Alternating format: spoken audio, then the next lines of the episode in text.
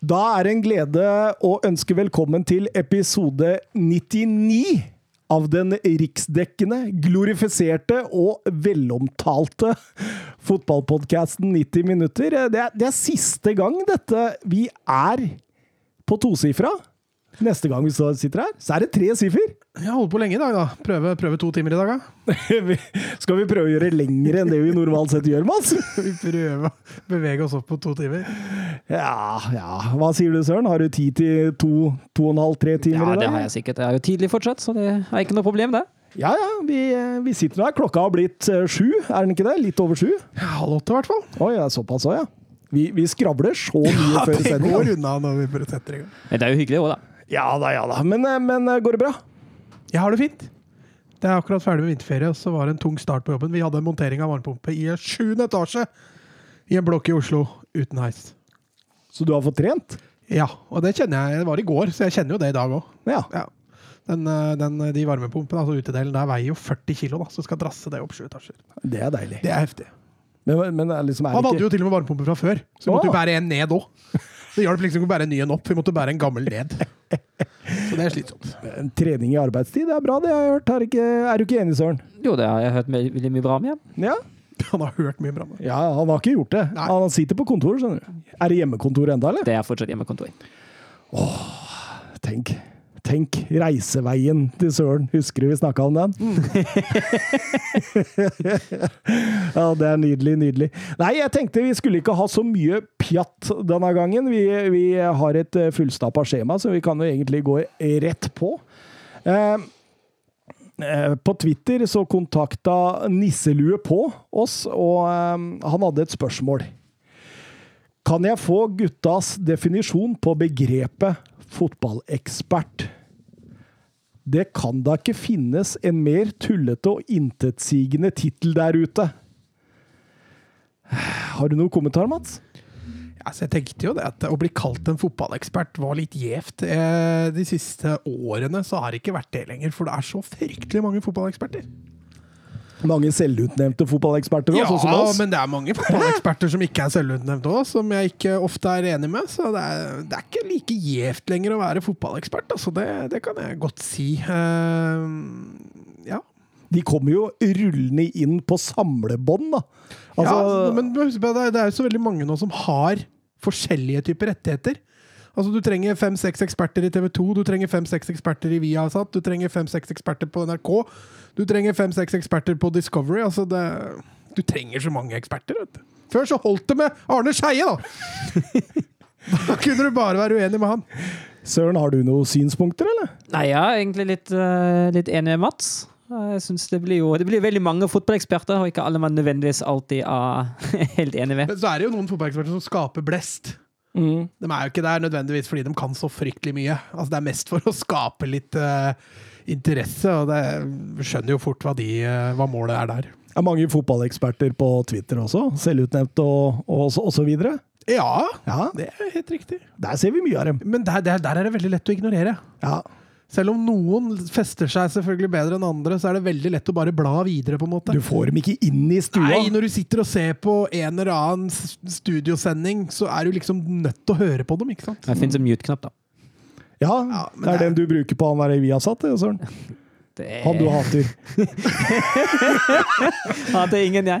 Går rett i selvforsvar! han. ble det helt stille. Men, men jeg tenker, eh, du kan uh, Var jeg slem med deg nå, Søren? Nei, nei, nei, nei, ikke da, det nei da. Det er bare, det er bare humor. Det er bare humor. Uh, jeg tenker du har fire kategorier eh, fotballeksperter. Og fi- fire da? ja, Det var tre og- når du kom inn her. Jo, men jeg kom på en vanlig underveis. Oh, ja, okay. ja, ja. Og det, jeg, jeg tar eksperter i sånn uh, gåsetegn, er det det det heter? Mm.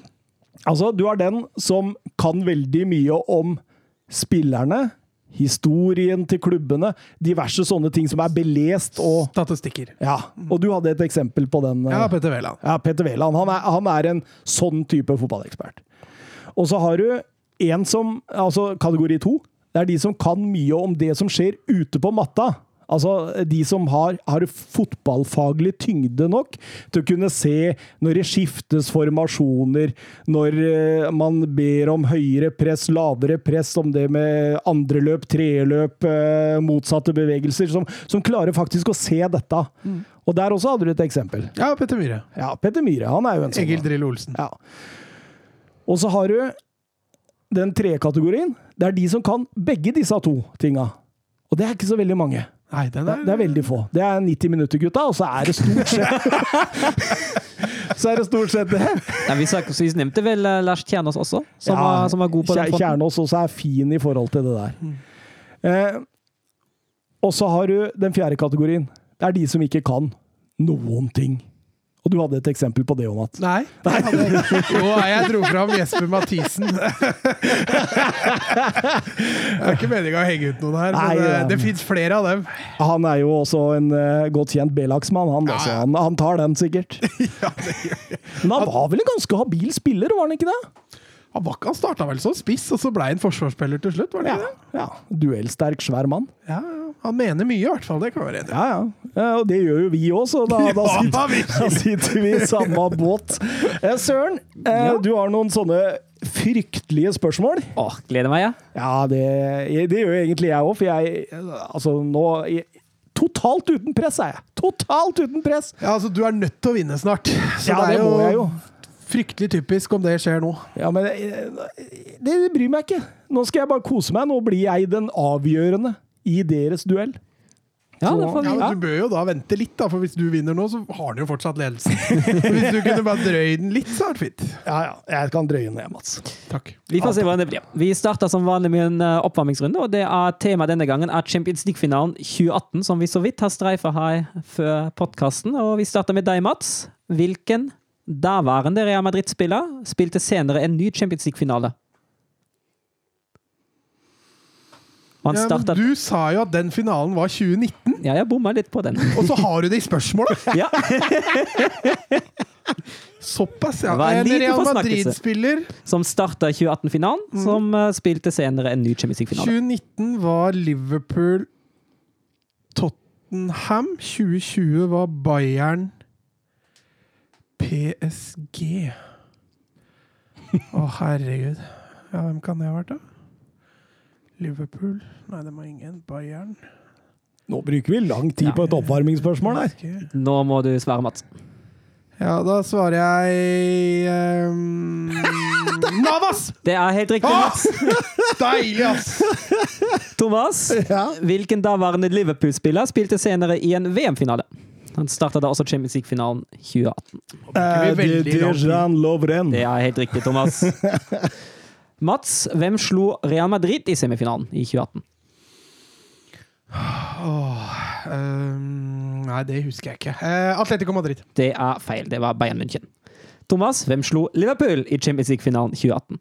Roma. Det stemmer, det Thomas 2-1. Mats, Bale skåret to mål for Real Madrid. Hvem skåret det tredje målet? Benzema. Det er helt riktig, Mats. 2-2. Thomas, hvem skåret for Liverpool?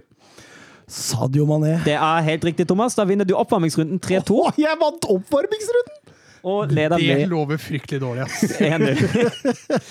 Da går vi videre, da. Så leser jeg klubber i kronologisk rekkefølge og vil vite hvilken spiller det er. Og jeg kommer til å hinte litt uh, hvis dere ikke klarer det her. Borussia Mönchenglattberg. Bayern München. Fiorentina. Borussia Mönchenglattberg. Bayern München. Wolfsburg. Al-Arabi. Han har spilt 35 landskamper for Tyskland. Thomas Ja, Gomez. det er feil. Da kan ikke jeg hinte noe mer, dessverre. Nei, Thomas! Tok en kalkulert risiko. Ja, Det var lurt, for jeg er jo ikke i nærheten av å tippe på noe som helst her. Ta Mario Basler.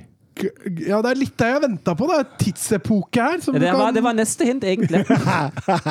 For det kan jo være så mangt. Um, Gladbach Men han var i Fiorentina, han er jo ikke Ribéry, selvfølgelig. Hva het han stopperen, da? Nei, han kom fra Frankrike, han. Det er fint du underholder lytterne våre underveis mens du Det var tenker. Dante jeg tenkte på. Men Ja, det er jo ikke han. Nei, Jeg er ikke pipling, ass. Eh, Wolfsburg, fader, med Bayern Du Trenger et svar, Mats. Ja. Eh, Grafite. Det er feil. Hvis jeg hadde sagt eh, vant Champions League-finalen i Bayern i 2001, og var i Tysklands VM-tropp i 94, men ble kastet ut da han viste fingeren til supporterne Mathias Hammer? Nei. Nei, nei Stefan Ja, Effenberg. stemmer det. Men uh, null poeng her, altså. Spørsmål tre.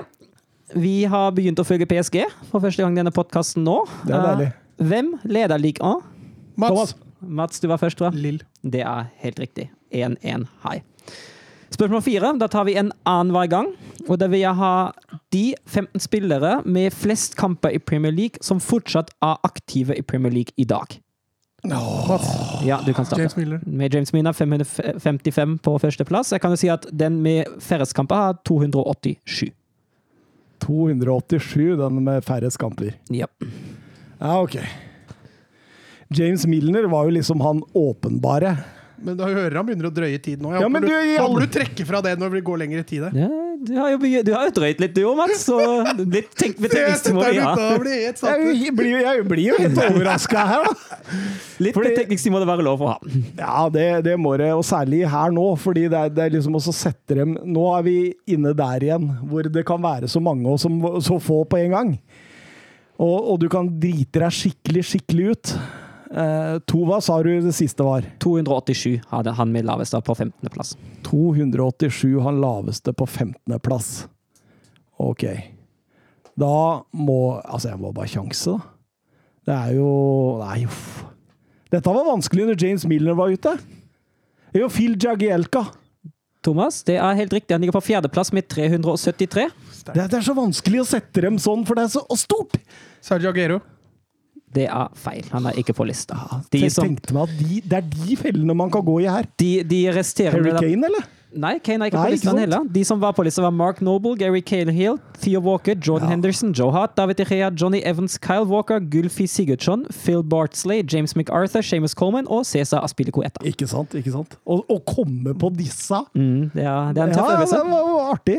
Eh, der går vi videre til spørsmål nummer fem. Er det vel så to en til Thomas? Og her kommer jeg også til å hinte litt, hvis ikke dere klarer det med en gang. To klubber i Bundesliga har sparket treneren etter forrige runde. Hvilke to? Skal du ha begge? Jeg skal ha begge. Oi, oi, Jeg tror den ene er jo ganske, ganske grei. Ja, den ene er grei. Kan vi si at den andre er en klubb som nå ligger på kvalifiseringsplassen? Mats, Ja, må du bare ha klubbene? Ja, jeg må ha klubbene. Eh, Schalke og Bielefeld. Det er helt riktig, Mats. 2-2. Det var de jeg tenkte på. Da går vi videre til en uh, historiefortelling. Uh, jeg forteller en liten historie, og når dere tror dere vet hvem det er, bryter dere bare inn. Han ble født 30. august 1977 i Chep. I, Chep. Hva da? Chep? Chep. Jeg vet ikke om jeg uttaler det riktig, men jeg tror det heter Chep. I Kjepp! Kjemp. Oh, kjemp. Han var fotballsupporter fra barndommen, og som femåring begynte han å spille for Tatran Skalna. Han byttet klubber en del ganger som tenåring, og han var innom Roda Vesta Chep, Skoda Plitzen og Dukla Praha. I 1992 signerte han for Sparta Praha, og da ble han veldig suksessrik, og i 1994 ble han landslagsspiller. Han deltok i EM 1996 og startet EM-finalen, som laget hans til slutt tapte. Likevel hadde vår mann spilt seg i fokus. Han var egentlig muntlig enig med PSV. Thomas? Ja, Nå tar jeg Ja, det er det tre, det er tre der det står mellom. Pavel Nedved. Hva sa sa du? Er ikke Nedved, vel? Pa- Sa du Nedved? Ja, helt riktig, Thomas. Pavel er det det? Fy fader, den var jeg ikke Jeg tenkte på Borski eller Berger. jeg. Nei, det var jeg var på Nedved hele veien der. Pavel Nedved, det var sterkt, Thomas. Ja, det er flaks, skal jeg si. deg. For det, det, det sto mellom liksom Jeg hadde den karen på Borski og litt sånn forskjellig der, men ja. ja. Ja, Da går vi videre til neste spørsmål. Der skal jeg ut etter en klubb. Klubben ble grunnlagt 25.1.1890 av deler av den store britiske befolkningen i byen. I 1934 rykket klubben opp til øverste nivå i sitt land. Og i 1946 vant klubben serien for første, og fram til i dag eneste gang. Likevel var klubben godt etablert på øverste nivå og fikk flere andreplasser. Og i 1958 står også det nye stadion klart. Arke Når, når da? 1958. Arkitekten var Manuel Monos Monasterio, som allerede hadde bidratt som designer til Real Madrids nye hjemmebane Santiago Bernabeu. Det nye stadionet etterlot klubben imidlertid i stor gjeld, og på 70-tallet måtte de selge flere viktige spillere. I 1973 rykket klubben ned, og i 1975 var klubben tilbake i La Liga. Klubben hadde flere kjente spillere i sine rekker. Blant annet har Luis Muriel, Davor Sjukai og Mm, Thomas Mas, Ja, Sevilla. Det er helt riktig, Mats. Sevilla. Der var 3-3. jeg også på, når, når Davor Sjoker kom, da var jeg Da går vi videre til spørsmål nummer åtte. Fortsatt jevnt. Uh, det deles jo ut Manager og Player of the Month-priser i Premier League. Og kan dere nevne tre som har fått det? Det må være minst én spiller og én manager, og den siste, den tredje, kan dere velge fritt. Hei, jeg skjønte, den skjønte jeg ikke. Det Jeg er skjønner hva han mener. ja, dere, Vi skal nevne tre som har, spillere som har fått enten månedens manager eller månedens spiller i denne Premier sesongen. League denne ja, i Premier League sesongen. denne, Denne sesongen. Og vi bare minst én manager og én spiller. Den siste kan dere velge fritt. Må være minst én spiller, eller to spillere og én manager. Ja. Eller to manager og. Stemmer det. Uh, ja, jeg Thomas. kan Mats. Ja, Thomas først. Det kan godt hende jeg gir deg noe nå, da, men Ja, eh, to av dem er greie, så dem regner jeg med du har òg. Å, du, du er såpass, ja? Har du to helt klar, klink? To helt klink. Da, da, da hjelper jeg deg, tror jeg. Hvis jeg bommer nå. Eh, vi kan jo gå til Men, Ole. men det er jo da én manager og én spiller hver måned. Og det er januar, Ja, ja. desember Du har mange å velge mellom. her. Ja. Nei, men altså, vi går for eh, United-duoen Ole Gunnar Solskjær og Bruno Fernandes, og så tar vi Hoeng Min Son. Det er feil. Oi, oi, oi. Ja, Bruno Fernandes eh, var jeg på, men Solskjær tror jeg ikke har fått den. Eh, Pep Guardiola var jeg på. Sånn. Men siden du var sånn på sånn, jeg tror kanskje jeg går for den. Jeg tror du bomma på Solskjær. Fernandes, Son og Guardiola. Det er helt riktig, Mats. Da er det Har 4-3. ikke Solskjær fått den? Da Nei, Solskjær hadde ikke fått den. Det var, det var det som var Ja, jeg trodde han hadde fått den der. Nei, nei. Nei, Vi går videre. Spørsmål 9. 4-3 til Mats. Fortsatt alt åpent. De to største stadionene i Serie A, San Siro og Stadio Olympico, brukes av to klubber som hjemmebane. Men Ma- hvilken klubb ja, var det Nei, jeg sa bare Jo. Kom igjen, da. Ja, Kan du lese det en gang til, det du leste, da? De to største stadionene i Serie A, San Siro og Stadio Olympico, brukes av to klubber som hjemmebane. Hvilken klubb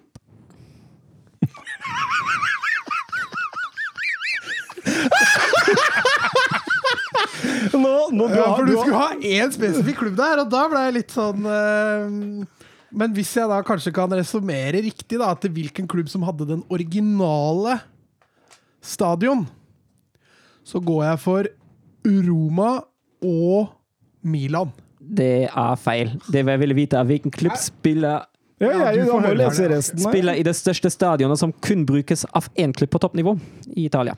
Ja, da var jeg langt unna!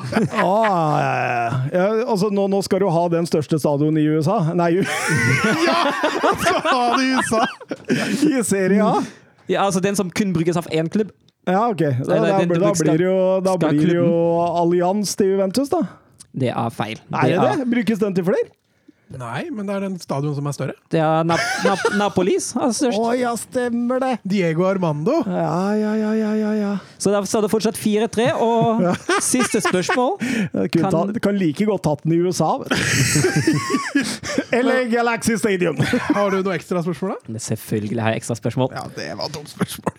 Men det er, da står det altså 4-3, og vi skal ha en annenhver gang igjen. Og da vil jeg ha de 17 mest verdifulle nederlandske spillerne. Å, Thomas. Ja, det starta. Vær så god.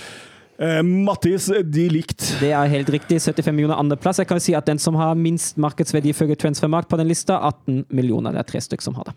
Oi, oi. derfor det ble 17, da. Nå, nå blir det tenking, altså. Oh. Da blir det Virgil van Han Dijk. ligger på førsteplass med 80 millioner. Memphis Depay. Han ligger på femteplass med 45. Nederlendere. Eh, Frenkie de Jong. Han ligger på tredjeplass med 65. Så nå er dere topp, topp, nesten topp fem. Mangler én der.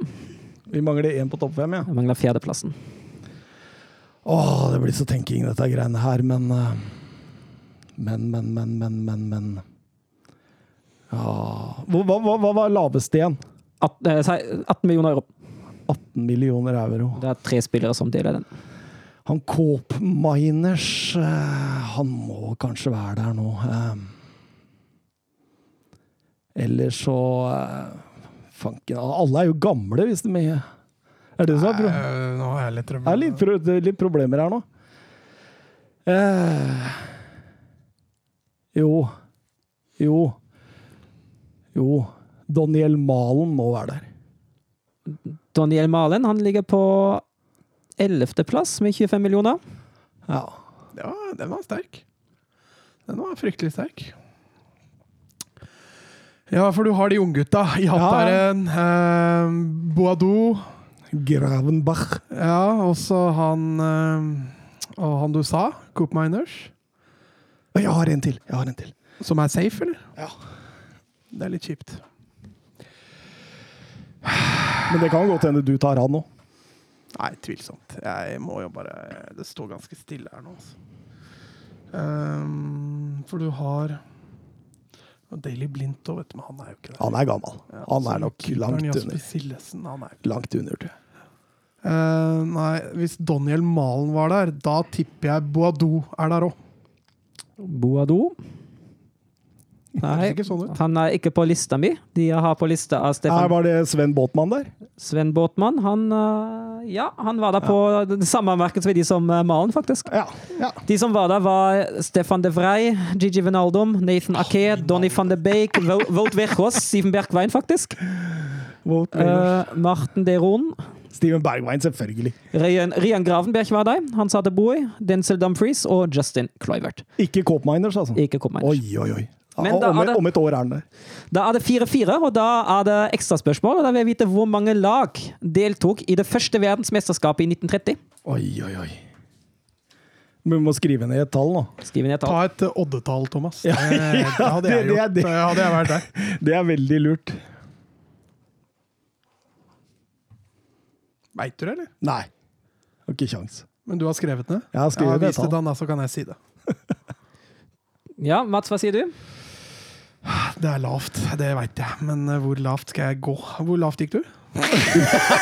Ja, men har du ikke skrevet det ned? Nei, jeg sa jeg sier det høyt. Å, hvis, du han, sier hvis det. du viser det til Ja, okay. Jeg går for åtte! Da må vi ha et nytt oppfølgingsspørsmål, fordi begge dere to sa 8. Eh, det riktige svar er 13. Det var Oi, faktisk et oddetall. Det var et oddetall. Skal vi se. Da Ekstraomgang på Har du et til, altså? Ja, det har jeg. Å, såpass. Nå har jeg følelsen av at det blir virkelig tipping her. Hvor mange minutter har Erling Braut Haaland spilt i Bundesliga-fotball? Hvor mange touch har han hatt? Nei. Nei. Jeg skal vite når var første VM.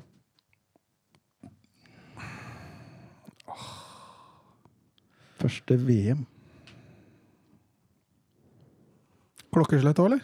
Nei, år. Jeg bare tipper. Det er rein tipping. Ja, jeg tipper 1930. Thomas sier 1952. Mats er faktisk helt riktig. Det er er oi, oi, 1930. oi. Så da vinner Ah, jeg tenkte det var eh, OL og sånt, jeg. Nei, jeg mente huske det var før krigen. ja, det var 1930. Uh, Mats vinner ekstra, etter to ekstraomganger, i hvert fall. Det kan vi trygt si. Så Ja da, ja da, men at det skulle være jevnt og jeg taper, det, det, det, det, er, det er ikke noe nyhet. Du vant, jeg vant oppvarminga i dag, da. Ja, du gjorde det. Jeg er ganske, ganske fornøyd med det, egentlig. Biler, altså. Nice. det er Det biler. er, det er en fin premie, Søren. Jeg gratulerer, Mats. Vi Takk. kjører videre. Messi surging forward with real menace here. Brilliant from Messi.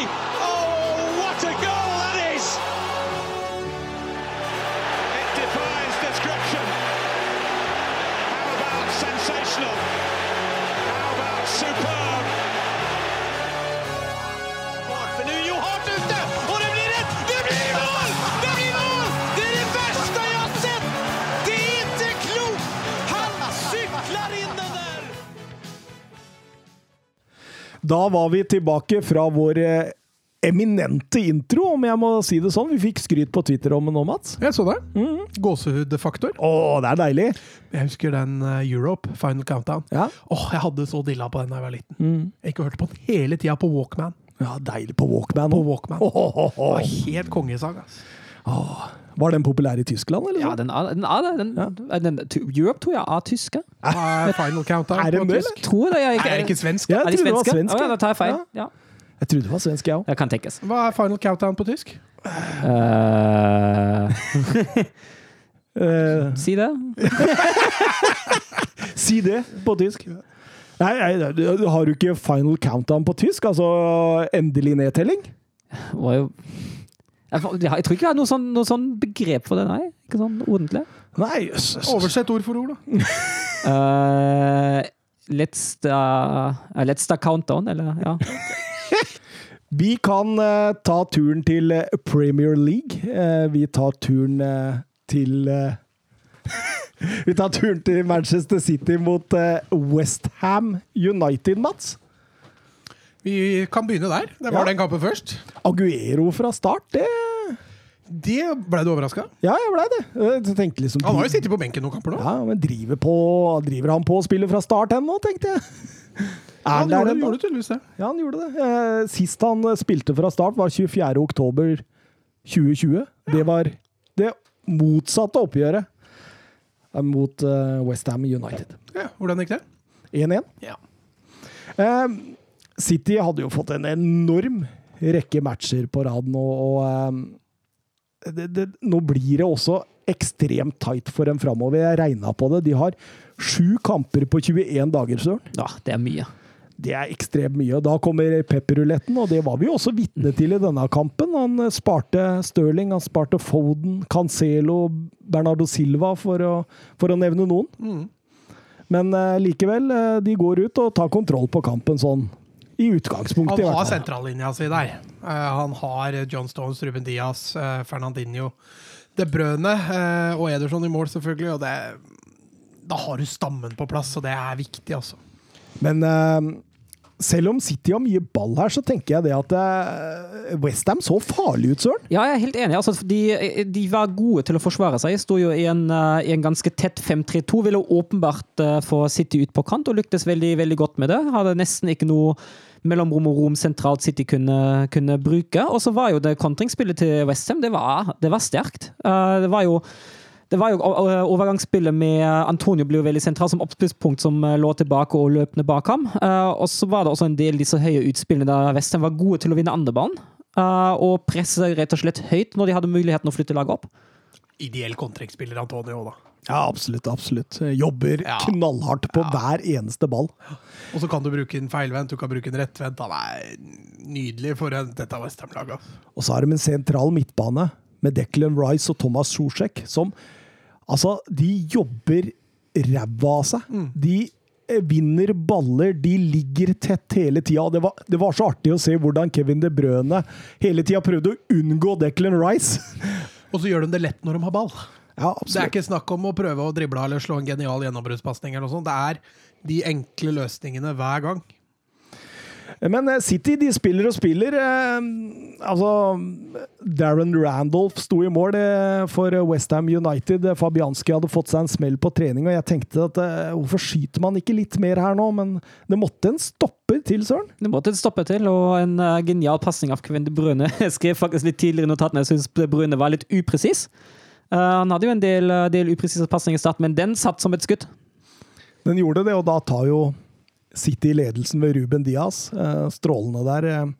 Ser disse stoppera til City, hvordan de angriper rom hele tida på disse dødballene. Ser livsfarlig ut. Ja, de har jo to stoppere som skårer mål, faktisk. Mm. Ruben Diaz sitt hadde hva skal vi si, litt mer sånn etterdønninger av en dødball. kommer opp der, og så er det sitt første mål. I hvert fall i Premier League. Så det var, eh, det var, men det var som Søren sier, det var De Brønne sin pasning som gjorde mye av det målet der. Men så, så treffer Michael Antonio stolpen, og rett før pause så, eh, så er det Declan Rice som vinner den høyt eh, i banen fra Aguero, som virka vi, ja, vi var ikke klar, Aguero, for å spille. Nei, det virker ikke sånn. Det virket uh... Kamprusten. Ja, litt kamprusten, kan du si. Veldig Ja. kamprusten. Og, og, og måten de rulla fra venstre mot høyre der, eh, Kofall ned på dørlinja, 45 ut. Eh, Lingard, som Han har jo blitt en helt ny spiller. Men det der er ikke med vilje, den pasningen der. Nei, han eh, prøver å skyte, Han prøver å skyte. men eh, Antonio han pirker den inn. Han står på rett sted til rett tid. Nydelig, nydelig eh, spill der, og, og Westham går opp til 1-1. og Nei, jeg, jeg, jeg syns eh, at det var egentlig fortjent, jeg. Jeg er helt enig. Jeg syns Westham spilte en eh, veldig god omgang. De lot nesten ikke City komme til, eh, komme til målsjanse og var farlige sjøl. Og, og så modig til det. Så den, den, den motet fikk de betalt for i 1-1 når de faktisk pressa høyt og får målet ut av det. Så er det en av de litt svakere kampene vi har sett av City på en stund. Nå har du riktignok, som du sier, mye rotasjon i laget, men Det var liksom litt, eh, når de fikk 1-1 der, litt mer skjelven den første omgangen enn det vi har sett av City tidligere i år. Eh, De blir tatt veldig i overgangsfasen mot Westham. Altså. Det har vi ikke sett mange lag arrestere City på tidligere i år. Nei, for de har vært så voldsomt gode i offensiv markering. Men, ja, men, og så er det jo ofte at de, Det er ikke så ofte de blir eh, har mulighet til å kontre på City, for de er som du sier, for det første det er det offensive presset, men det andre er hvor og når de mister ball. Ja, helt riktig. Og her blir de arrestert uh, oftere enn det de har pleid å bli i det siste. Men så tenker jeg også måten Westham uh, kjører kontringer på, Søren. For den er, den er veldig sånn der Altså, den er ekstremt direkte og ofte i lufta. Altså at du slår egentlig rett og slett langt på en ja, jagende eh, eh, Antonio. Og da tenker jeg det at det, det er jo vanskeligere å spille offensiv markering når ballen går over huet ditt. Så, jeg- så jeg tror liksom David Moyes der eh, gjør en meget eh, go- god altså, preparation for, for kampen. da. Vil du si han utmanøvrerer Guardiola? Nei, eh, ikke så lenge Guardiola til slutt vinner dette. Du ser jo eh, utover i annen omgang der, så ser du Guardiola med vilje åpner opp kampen. Altså, fordi kampen ble jo veldig tight til slutt. Altså, City spilte og spilte, Westham lå dypt. Og, og, og måten han åpner kampen på, syns jeg rett og slett er genial. Ja, jeg prøvde bare å få deg på tape, ja, at du sa at Moyes var bedre. Det, det, du lot deg ikke bite der. Men at Moyes imponerer med dette Westham-laget nå, det gjør han jo. Helt klart. Tror du han hadde fått det til det samme hvis det ikke hadde vært koronasesong? Oi, det er et godt spørsmål. Ja, det er det er et veldig spørsmål, godt spørsmål. Men, men jeg er ganske sikker på også at dette Westham-laget ikke ligger der oppe ved sesongslutt. Da blir jeg veldig overraska, fordi altså, det, det er jo et lag som spiller så å si alene, ene alene på kontringer og dødballfotball. Ja, så de ligger, ligger de på fjerde nå? Ja, det er topp fire, i hvert fall. Ja. Ja, så Hvis Everton vinner hengekampen, så går de vel forbi, men eh, det er ganske sjukt. Topp fire nå, den hadde ikke Der er vi et stykke unna på tabelltipset, i hvert fall. Men eh, John Stones, han setter 2-1. Ole Biffen, flott spill. Ja, absolutt. Absolutt. Eh, Jeg ser Søren har lyst til å si noe, så jeg stoppa ja, ganske ja, kjapt. Nei, det var jo påfallende at de gjenvei i kjølvannet etter en eh, dødballsituasjon. Det, det er ikke så ofte at City må vinne kamper etter kjølvann, eller etter dødballsituasjoner. Etter kjølevann. Ja. Nei, det er sjelden City vinner kamper etter kjølevann. men, men, men det, det er helt enig, Søren. Og, og det som er litt av greia her, da, er at, eh, at eh, jeg, jeg føler at eh, her gjorde Westham City svakere. Og det, det er mange som kan se på dette i ettertid. Hva er det Westham faktisk gjorde? Fordi altså, når du kommer til Etiad, så er det ikke nødvendig altså, det, det, det er jo ikke presset på bortelaget om å underholde. Nei. Eh, Så, så den, dette er jo rett og slett en oppskrift fra David Moyes som faktisk kan fungere. Altså, Men Kanskje- det gjelder også Det gjelder jo ikke alle lag. nei da, nei da. Eh, De andre, f.eks. topp seks-lagene, kanskje med unntak av et par, eh, vil jo ikke kunne gå ut med den inn, innstillinga før kamp, som det Westham gjorde her. Men som du sier, det gjelder veldig mange andre lag. Og den derre Altså, Diop, den sjansen på overtid der, Ja, Å, den bør han sette på mål, altså. ja det, Ballen går ikke så fort der, så jeg tror Ederson hadde rukket bort. Hadde Tror gått det. innenfor. Men eh, dermed ble det City-seier. Det ble Citys 20. seier på rad. Her, vi snakker ikke om at de er liksom ubeseira. Nei, de har 20 seire på rad, Mats! Det er, begynner å bli spinnville tall. Det, altså, hvis, du, hvis du tar med ubeseira, så er det 27. Så det er jo helt enormt. Og det var Guardiolas 200. seier i alle turneringer. For I- Ja, I sin eh, 273 kamp. Så det, det er enormt, altså. gode tall. Ja. Eh, ingen i engelsk fotballhistorie har kommet til 200 seire på færre kamper. Den som er nærmest, er José Mourinho. Han hadde 309. Ja. Så det er, det er eh, sinnssyke tall, og det bare bevitner at han er verdens beste fotballtrener, eller Mats? Jeg syns det. og det han har gjort i år også, syns jeg setter to streker under det svaret, med tanke på at han har gjort om litt på sin egen filosofi, da, og utvikla sin egen, egen filosofi. Så han viser også at han kan utvikle seg i, i tråd med, med spillet, så at han er utvilsomt, i hvert fall nå, da, den beste, det, det mener jeg. Tilpasse seg spillerstallen sin. Det, det, det Ja, er han. Mm. tilpasser seg omgivelsene òg. Det er det som han imponerer med her. Altså, I Barcelona da var det my way or no way. Litt samme i Bayern. Eh, Så så vi at det fungerte greit i City i starten, men så i fjor bare møtte han jo på en skikkelig fartsdom, og nå har han utvikla seg. Så det, det viser jo kjempe, kjempeegenskap, egentlig. Vi skal videre til King Power Stadium, hvor eh, Leicester eh, tok imot Arsenal. Og, og Leicester i en sånn ren eh, 4-4-2, de, de kom fra røyk vel ut av Europa League. Litt sånn eh, vi, vi kjemper topp fire, vi vil ikke ha noe med dette å gjøre. Mens Arsenal snubla seg videre mot eh, Benfica. og ja, eh, Jori Tillemans, han eh, får jo en eh, motorvei, han søren. Ja, han gjør det. Var jo, Tieni var jo veldig offensiv i banen, og da var det lite å stoppe Tillemanns på da Chaka da mista Det er dårlig av Chaka først her, da. Ja, det er det. Og jeg, jeg syns generelt Arsenal starta svakt i den kampen, men tar seg godt inn igjen i løpet av første omgangen. Ja, de løfter seg. Ja, absolutt. Det var jo tolv minutter der, så var de noen centimeter unna straffespark. Ble trukket ut der. og og Arsenal har en del ball. Leicester ligger dypt og skal kontre. Det er jo sånn typisk eh, Leicester-spill mot uh, de beste lagene, det, Søren. Ja, det er det. Men uh, jeg syns det, det Arsenal gjør godt. Altså Pereira uh, på, på Leicesters, Leicesters høyrekant kant skal jo da trolig begrense Tierney offensivt.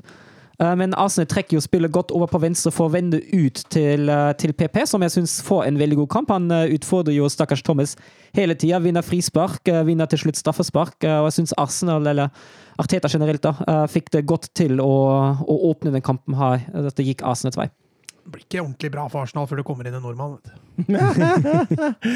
Ja, David Louise han setter 1-1 først, og så Men det, Blir, det trekket var innøvd. Ja, det var, det var, Ja, det det var var- det var ingenting. Og det, det er bra hedda òg. Ja, ja. Men der har jo Louis sin styrke. Ja, ja, blant eh, de få han har, så er det det. Men han, eh, den, jeg likte den eh, innøvde trekket der. Måten uh, spillere løper inn mot mål der og trekker på seg all oppmerksomhet, og så kommer David Louis litt fri fra der hvor alle har løpt. Så. Bra trekk.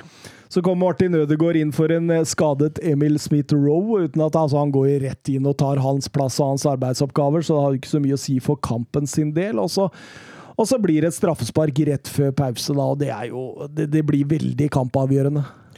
Ja, det er den Hensen. Uh, og Ndidi Nei, det, det, er, Ja, jeg veit. Det er litt sånn.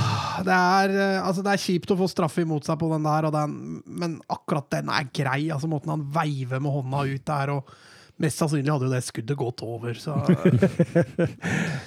Lacassette banker den i mål. Ja.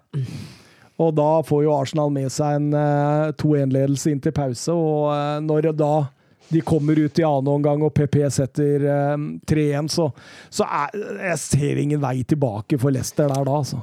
Nei, på dette tidspunktet så er også Arsenal ganske solide, syns jeg. Fra de slipper inn, eller som du sier, da, fra de blir snytt i gåseøynene for den straffa, så syns jeg Arsenal leverer en ganske solid kamp. Eh, til tross for at de møter en annen Champions League-utfordrer, så, så var dette et positivt, uh, positiv kamp for Arsenal. De sliter jo med å slå disse topplagene. Ja, altså, så syns jeg det, det er jo et, eh, et Leicester da, som utover i annen omgang der det mangler en Harvey Barnes som er ute med skade.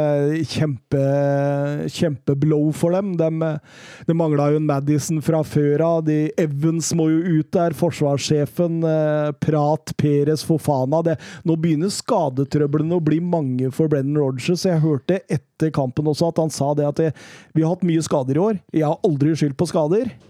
Men uh, hadde veldig lyst til å skylde på det nå, tror jeg. Ja, vi har jo vi har snakket litt om det, at det er jo en av de tingene som virkelig kan felle Leicester, med tanke på at uh, bredden i den stallen ikke er så god, særlig på de viktige posisjonene. Da særlig Barnes. Uh, kanskje og Madison. Ja, og Madison, ja. Eh, og da, Og kan, da kan, det bli, kan det bli tøft. Hva syns vi om Martin Ødegaard sitt, uh, sin Han hadde vel en tredje assist der, da ble det, ble det det? mm, Det må ha blitt det. Ellers så var han jo OK. Var ikke noe sånn spektakulær uh, Ødegaard, men ja.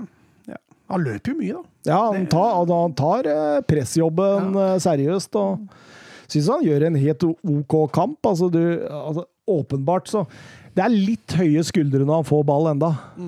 Men, men eh, bedring fra det vi så i Real Madrid, syns Ja, jeg. ja, utvilsomt. Nå så vi han jo knapt i Real Madrid, men uh, han uh Vi savner fortsatt at han, altså at han stabiliserer spillet sitt med å være litt mer direkte. Da. Det er en- fortsatt mye støttepasninger og på tvers. Altså. Absolutt. Eh, Første Arsenal-seier mot et lag som lå topp tre borte siden januar 2015. Så Arsenal har slitt på bortebane mot de beste. Eh, nå eh, blei det altså en seier etter 14 u uten seier, og vi skal over til eh, Tottenham Hotspur Stadium, der Tottenham tok imot eh, Burnley, og det blei et aldri så lite Gareth Bale-show. Ja, og du koser deg vel masse, du? jeg, jeg, jeg koste meg. Jeg, jeg, var jo bombesikker da, på at det målet etter 68 sekunder der var offside. Det, jeg, jeg, tenkte liksom hvorfor, eh, hvorfor jubler dere så mye? Det, det, kommer jo til å bli tatt av VAR, men eh, han lurte offside-fella der. Han gjorde det. Det var Forferdelig forskjell. Ja. Altså, det, er, det er både markeringsspill og offside-felle fra ja, den, den, fungerer ikke i det hele tatt, og Bale får en fryktelig enkel jobb. Ja. Så, så rart fra Burnley òg, som er så normalt sett godt organisert. og og lever på en måte i Premier League av å være godt organisert i en 4-4-2. Når du skal sette en offside-felle, og så står det to mann igjen, ja. da er det både lite samstilt og dårlig kommunikasjon. Ja, altså, altså er det jo ikke den eneste. Altså, jeg syns egentlig Burnley forsvarer seg tvers over ekstremt dårlig i den kampen. Der. Uh, hvis du ser på 2-0-målet altså, De etterlot seg et stort stort strekk og ekstremt mye mellomrom så snart første pressledd var overspilt. Det ser vi på, på 2-0-målet. Presset på ballfører i egen halvdel, og til dels egen tredjedel, det var fryktelig svakt. Uh, organisasjonen i boksen, som uh, Mats har vært inne på, det var fryktelig. Så det, altså, Tottenham spilte en kjempebra kamp, men Burnley gjorde det også lett for dem. Ja, altså, ja, jeg er for så vidt enig med deg. Jeg syns, 2-0-målet der syns jeg ikke at man skal bebreide Burnley-forsvaret. For der skal, man heller, der skal man heller hylle den ballen fra Gareth Bale. For jo. den er så klink! Det er jeg helt enig med deg, men han Burnley-spilleren som gambler ja, det er jo for, så, for så vidt greit. Han stått på beina og løpt der, så ville han mest sannsynlig tatt igjen Harry Kane. Men, men den ja, Du tenker på Tarkovskij, eller? Ja, han så, Jeg husker ikke hvem det var, men han, pasningen fra Bale går ja. der, så slenger han seg fram for å prøve å bryte ballbanen, og så bommer han, og så kommer ja. Kane alene igjennom. Eh, hadde han valgt å stå på beina der, ja. så ville han hatt gode muligheter til å ta den mm. igjen. Men det jeg mener, da, er at sånne pasninger som det der, det skal man bare hylle. Jeg er helt enig. Fordi det er, det er, helt enormt, altså. Uh, timingen, uh, vektinga, alt stemmer perfekt. Og, og, nå skjønner man jo at Bale kommer til å få en vanvittig kamp. Ja, for han, eh, nå, nå leker han. Ja. det, det, den speeden han har Nå løper han fra spillere med ball nå! Ja, han har begynt med det igjen. Så det Taxi for Kane, husker du den? Nei, Taxi for Maikon, mener jeg. Husker du den mot Inter? Når uh, Maikon, den nydelige brasilianske høyrebekken der, han, han sto bare og rista på huet. Han orka ikke mer, liksom. Men han hadde en på Bartra der òg, i Copa del Rey-finalen, husker jeg. Hvor han var nesten oppå sjette rad oppe på tribunen. Nå skal vi ikke helt på det nivået enda, men at uh, han uh, har litt vi, har jo lurt på om han hadde noe fotball i seg. Med. Har vi ikke avskrevet den litt, da? Ja, så å si, tror jeg. Ja. Men, men, det, det men, var sterkt. sterk comeback. Ja, så Nå har han uh, fire mål og tre assist på sine siste fire kamper. Så, og, og Mourinho skryter han og sier at det er en Bale som kommer og smiler på treninger og Spiller golf? Kanskje han har lagt bort litt, det. Jeg så det var Dale Alli som fikk uh, kjerringa til Dale Alli dro fram fordi han spilte for mye Fortnite. Så Dele Alli er singel? Ja, tydeligvis. tydeligvis. Hun Ruby May, hun der av modelldama hans. Altså, klaga, klaga, i media på at det ble for mye Fortnite. Såpass, ja. Gutta boys. Eh, Lucas Mora han gjør 3-0 eh, etter en halvtime der, og, og det, det, er jo full kontroll, egentlig, eh, i kampen igjennom. Ja, da, altså Senest etter 2-0 lukter det jo allerede ganske transportetapper for Spurs. Altså. og, de, altså, og, det er jo en sånn kamp som et Mourinho-lag bare elsker. Altså, Skåre tidlig 1-0, gå opp tidlig i 2-0, og så bare sitter man og ligger balansert og tar de mulighetene som kommer. Absolutt, absolutt. Det er uh det, det, du var like, man var Som Tottenham-supporter så var man ikke litt nervøs underveis i kampen engang. Nei, eh, Burnley hadde fryktelig lite å komme med, og Tottenham hadde egentlig veldig lite å være eh, nervøs for. Når de fikk den starten de gjorde, så, så Ja, det blei aldri spennende i det hele tatt, egentlig. Son han produserte sju målsjanser i den kampen. Mm. Han, eh, han var på jobb, han òg? Han var på jobb. Han hadde jo begge assistene til Bale, blant annet. og det er vel første gang i Tottenham-trøya siden van der Fart eh, kjørte to assist på Bale, at Bale skårer. Så det, det, det, er litt sånn historisk sus over det. Og, og, det var den største seieren i Premier League på Tottenham Hotspur Stadium siden Tottenham slo Burnley 5-0 i fjor. Ja. Så Burnley er ålreit å ha på besøk, altså. Ja, og Sean Dyche, han, eh, Ginger Mourinho som han ble kalt, han sto etter, eh, etter eh, kampen og hylla Tottenham for angrepsspillet sitt, og, og nærmest ga en liten sånn greie om at Åssen klarer dette laget her å ha den streaken de er inne i nå, liksom? Han skjønte det ikke. Så det blir spennende å følge med videre nå, om det har løsna igjen, om man er oppe av den dvala, eller om man får seg en trøkk i trynet igjen. Hva tror dere? Hvem er det de har i neste? Eh, det ganske nå, nå, nå spiller de jo i midtuka igjen her nå mot uh, Fulham borte. Ja, var Palace til helga. Så er det Palace til helga. Det bør være seks poeng, det, altså. Det, det bør være det. Petter Støvland spør Gareth Bale på gang, eller? For en kamp han leverte, og farten er åpenbart ikke mistet. Parkerte jo hal- halve Burnley med ball. Altså, De kampene mot Wolfsberger dem legger jeg ikke så mye vekt på. um, men det han leverte nå mot Burnley, det er lenge siden jeg har sett Bale så bra, så skapende som det han var i den kampen her. Så, sånn at uh, jeg er ikke villig til å friskmelde han ennå, men eh, gud bedre, dere har mye å glede dere til hvis dette fortsetter. altså. Det så ut som han kosa seg. Ja, Det er litt sånn medgang-Bale. da. Eh, Sett det i Real Madrid òg, at han koser seg mye når det går bra. Det er når det går dårlig at du, Bale eh, virkelig er dårlig. Så jeg tror det at så lenge Tottenham er gode, så er Bale også lettere for å være god. Det skal bli spennende å se når de møter litt motgang, hvordan han presterer da.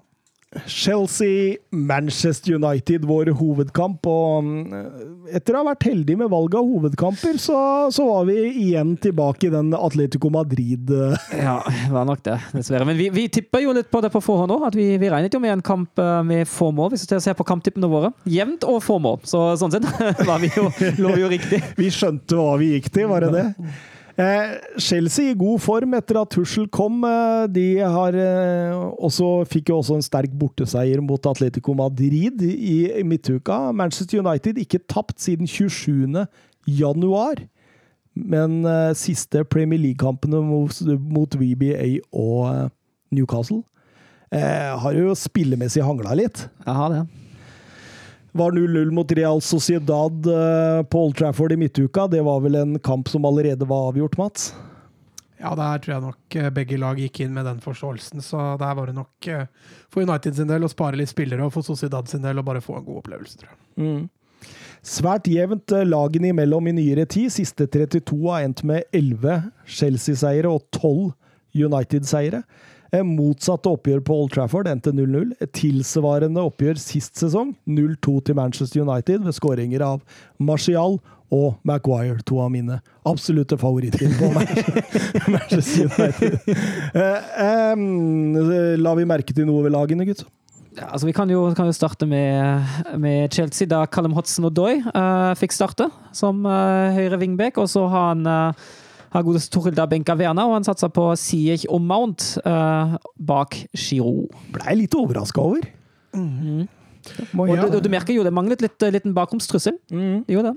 Ja, han fikk jo mellomromstrusselen i Siech der. Istedenfor å få en rein kantspiller, så fikk han en mellomromstrussel. Er det lov å kalle Siertz en trussel i denne kampen her? Nei, men eh, før kampen, da! Ja, ja, ja, ja, ja, ja, ja. Nei, Når det gjaldt United, så var det vel kanskje bare Daniel James som var litt å snakke om. Martial var henvist til benken, og Greenwood fikk, som jeg har sagt flere ganger, prøve seg som spess. ja. Spennende, spennende. Eh, selve kampen var ikke voldsomt spennende. Det, det, det var en litt sånn Det altså, var en og- litt nerve i kampen, Ja, det var det jo. men det, var, eh, ja, mm, det stoppa der.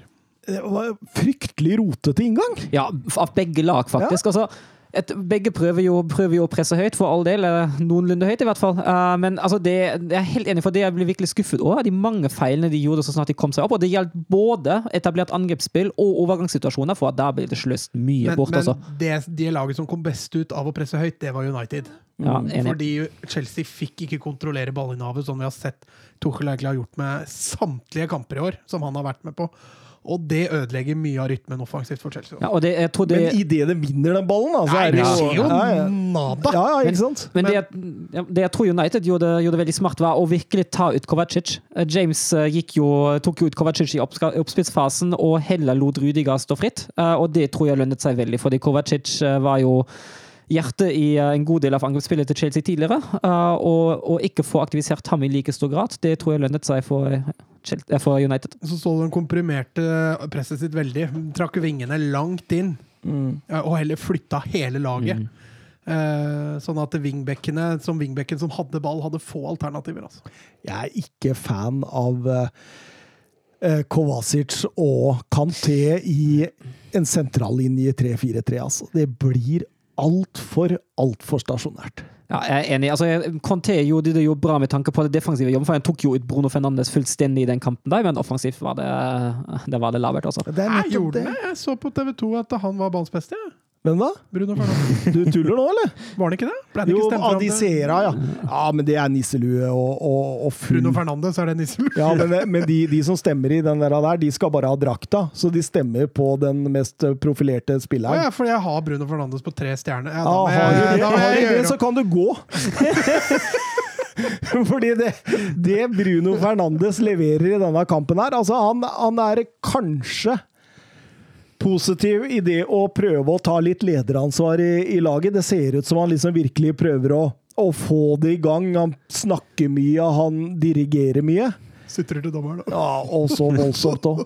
Men det han leverer med ball i beina, og måten han på en måte Og bevegelser og sånt i denne kampen her, det er, det er en annen Bruno Fernandes enn det vi har sett tidligere.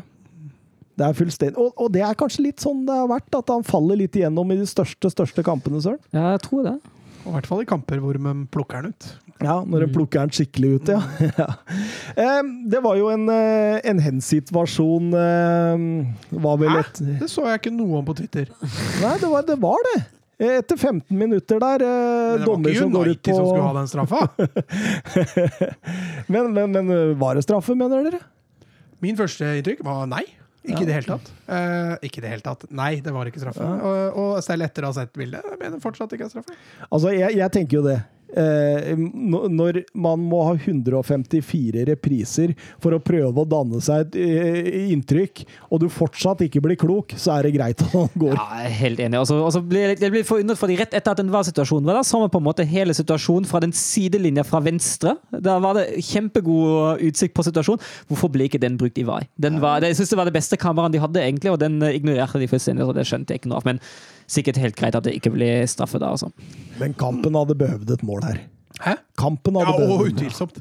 Um, de sliter jo med å skape store sjanser i den kampen, her, for det er jo uh, fokus på den høye gjenvinninga. Uh, sliter jo med, med gode pasninger og, og gode bevegelser, så offensivt sliter jo begge lag. Absolutt, helt enig. Og man må helt ut i det 35. minutt for å finne kampens første skikkelig sjanse. Da er det, da er det Giro som eh, ikke får satt ballen med mål, men han går sjøl i stolpen. Men da var det endelig endelig begynte Chelsea å vende litt ut til Hudson og Doy til høyre. Jeg har venta på det i 35 minutter, for jeg tenkte at det kunne jo vært et godt trekk. Det skyldes jo sikkert også en del at Kovacic, som egentlig står for veldig mange av disse vendingene, var så tatt ut. Eh, Så Rudiger fikk jo Han fikk- den jobben, han. han fikk den jobben nå etter hvert, og han gjorde en god jobb, eh, god jobb litt høyere i banen òg. slo en god vending der, men det er liksom den måten å gå. Og så var det, varte det, i, varte det da, og så måtte jo Doy ut til, pau- til pausen. og da var det ikke lenger den samme trusselen, selv hvis du klarte å slå ut eh, og vende ut til høyre. Fordi James var ikke så glad i å utfordre. Nei, det var eh, og, Men, men, men i, i, sluttperioden her så føler jeg at Manchester United i hvert fall eh, Altså, de klarer i hvert fall å vinne ballen høyt opptil flere ganger. Etablerer seg på Chelsea. Ja, ja. Fordi Chelsea kommer ikke ut, men, men det merkelige er jo at de ikke klarer å, å, å skape en eneste sjanse ut av alle disse brudda. Nei, og de vinner ballen høyt i banen nå. Men eh, som sagt, Chelsea er gode også dit å snurpe igjen i midten. De har de tre stoppera. Wingbackene kommer aldri langt nok ut, fordi Chelsea mister ballen igjen fort. Så det, det er vanskelig å bryte ned når det ligger sånn ni mann og forsvarer rett foran deg. Altså. Så var jeg litt overraska over hvor smalt United hele tida skulle angripe Chelsea. Ja, veldig. Men der igjen, da, eh, som jeg sa i stad, med at kantene kommer jo veldig inn når de skal gjenvinne ball eller forsvare seg. Eh, det betyr at de få sekundene etter at United har vunnet en ball, så er jo dem også veldig smale. ikke sant? Ja, ikke Så sant. det, det tar lang tid før de får breddealternativer. Og da går man jo til pause med 0-0, da, Søren. Ja, det gjør man. Og eh, lite underholdende kamp, dessverre. Og Hudson Odoi han går også ut i pause med is på låret og Reece James inn. Og det var jo litt, eh, litt synd for både kampens og Chelseas del, fordi Hudson og Doy han eh, kunne jo vært en av de spillerne som virkelig gjorde en forskjell her, men det skulle ikke bli sånn. Ja, Det var litt kjipt, for de fikk inn en bedre defensiv spiller. og Det var ikke akkurat det den kampen. Det var ikke det vi trengte, Det var ikke det vi trengte i den kampen. Men eh, Chelsea kommer frist ut i annen omgang. Absolutt. Det var de beste ti minutta de hadde i kampen. Det var de ti minuttene etter. Og burde selvfølgelig ha skåra med, med Siertz der. Oh, den, er- den er stor. Den er kraftig. Eh, Får den altså midt på DGA. Du har to valg der. Enten må du klare å vri den helt bort til lengste, eller så må du få den opp. altså. Mm, absolutt. Kommer i Eh, keeperhøyde og nesten midt på keeperen i tillegg. Og Reece James der også uh, tar jo returen, men uh, Luke Shaw nede og blokkerer. Ja. Luke Shaw som nok en gang hadde en god kamp. Ja, altså, både Han står jo for det lille United-skapet, og han gjør det veldig solid, uh, solid defensivt, så ja, jeg er helt enig. Men det har blitt litt mer fart i kula for Chelsea akkurat i denne, i denne fasen. De, de prøver å, å angripe bredt i banen og, og så inn, for å så slå over igjen. Ja, og, ja, sorry. Nei, kjør på. Også. Nei, jeg synes jo særlig Mason Mount får en viktig rolle, for han er både på venstre og på høyre. og han, Når United nå presser høyt og presser med bekkene sine ut mot vingbekkene til, eh, til Chasey, støter han i rommet bak og virkelig er, er et alternativ hele tida og virkelig hjelper Chelsea til å overspille det høye presset til United bedre. Ja, Han var jo beholdninga. Ja, han var det. Han var det. Han var strålende. Nok en gang. Ja, det er, eh, altså, dette var en døll kamp, men han løfter det der litt. Og det, er, det er verdt å sitte og se på bevegelsene til Mount. Måten han driver mellom linjene på United, den bevegeligheten. Ja, han løper jo fryktelig mye også, eh, og så er han god én mot én offensivt. Nei, Mason Mount er i ferd med å bli en personlig favoritt. altså. Ja, han er, han er superbra. Han, eh, du skjønner jo hvorfor han gikk igjen i Lampard sitt lagoppstilling, uansett hvem som kom inn. Du skjønner at Tussel har tatt den inn nå. Altså, eh, Det er vel den spilleren, tror jeg, Tussel har brukt mest. Mm. Selv inkludert eh, keeper, liksom. Han bytter jo Mandi mot Kepa i en kamp. Eh, Men Manchester United eh, har noen minutter der de får et par gigantsjanser. Greenwood eh, Med egentlig Manchester Uniteds første sjanse etter en time spill. Er Langskuddet Ja, som stryker. ja. Altså, hadde det vært, og Fred fikk jo samme sjansen rett etterpå. og Da tenkte jeg liksom, Hadde det vært Fred eller noen andre Men Greenwood og Fernandes derfra er faktisk en sjanse. altså. Mm. For det er jo faktisk fra 17-18 meter, det der. ja da, det er en helt Um, OK sjanse. Så det er en bra sjanse for Greenwood. det der, altså. Og da bølger jo spillet litt mer i denne fasen, Søren. Ja, det gjør det, men uten at det blir sånn uh, veldig mange gode sjanser. Du har jo, du har jo den, eh, den reiden til Mason Mount der McTomney blokkerer, men det, det, det er litt sånn eh, halvveis, har jeg lov å Ja, si det. Det, det blir jo litt, det blir litt sånn. Og så, og så tenkte jeg litt mot slutten, uh, særlig siste, siste tid, at United så litt sliten ut. De så litt ut til å henge litt i tauene etter det høye presset hele veien. Det er gøy å se den oppofringa i, i begge bokser. altså. Mm. Det er to lag som virkelig går i blokka, og hver gang det er et skudd, så er det alltid en spiller som kaster seg ned. og da blir ofte 0-0 i de kampene. Altså.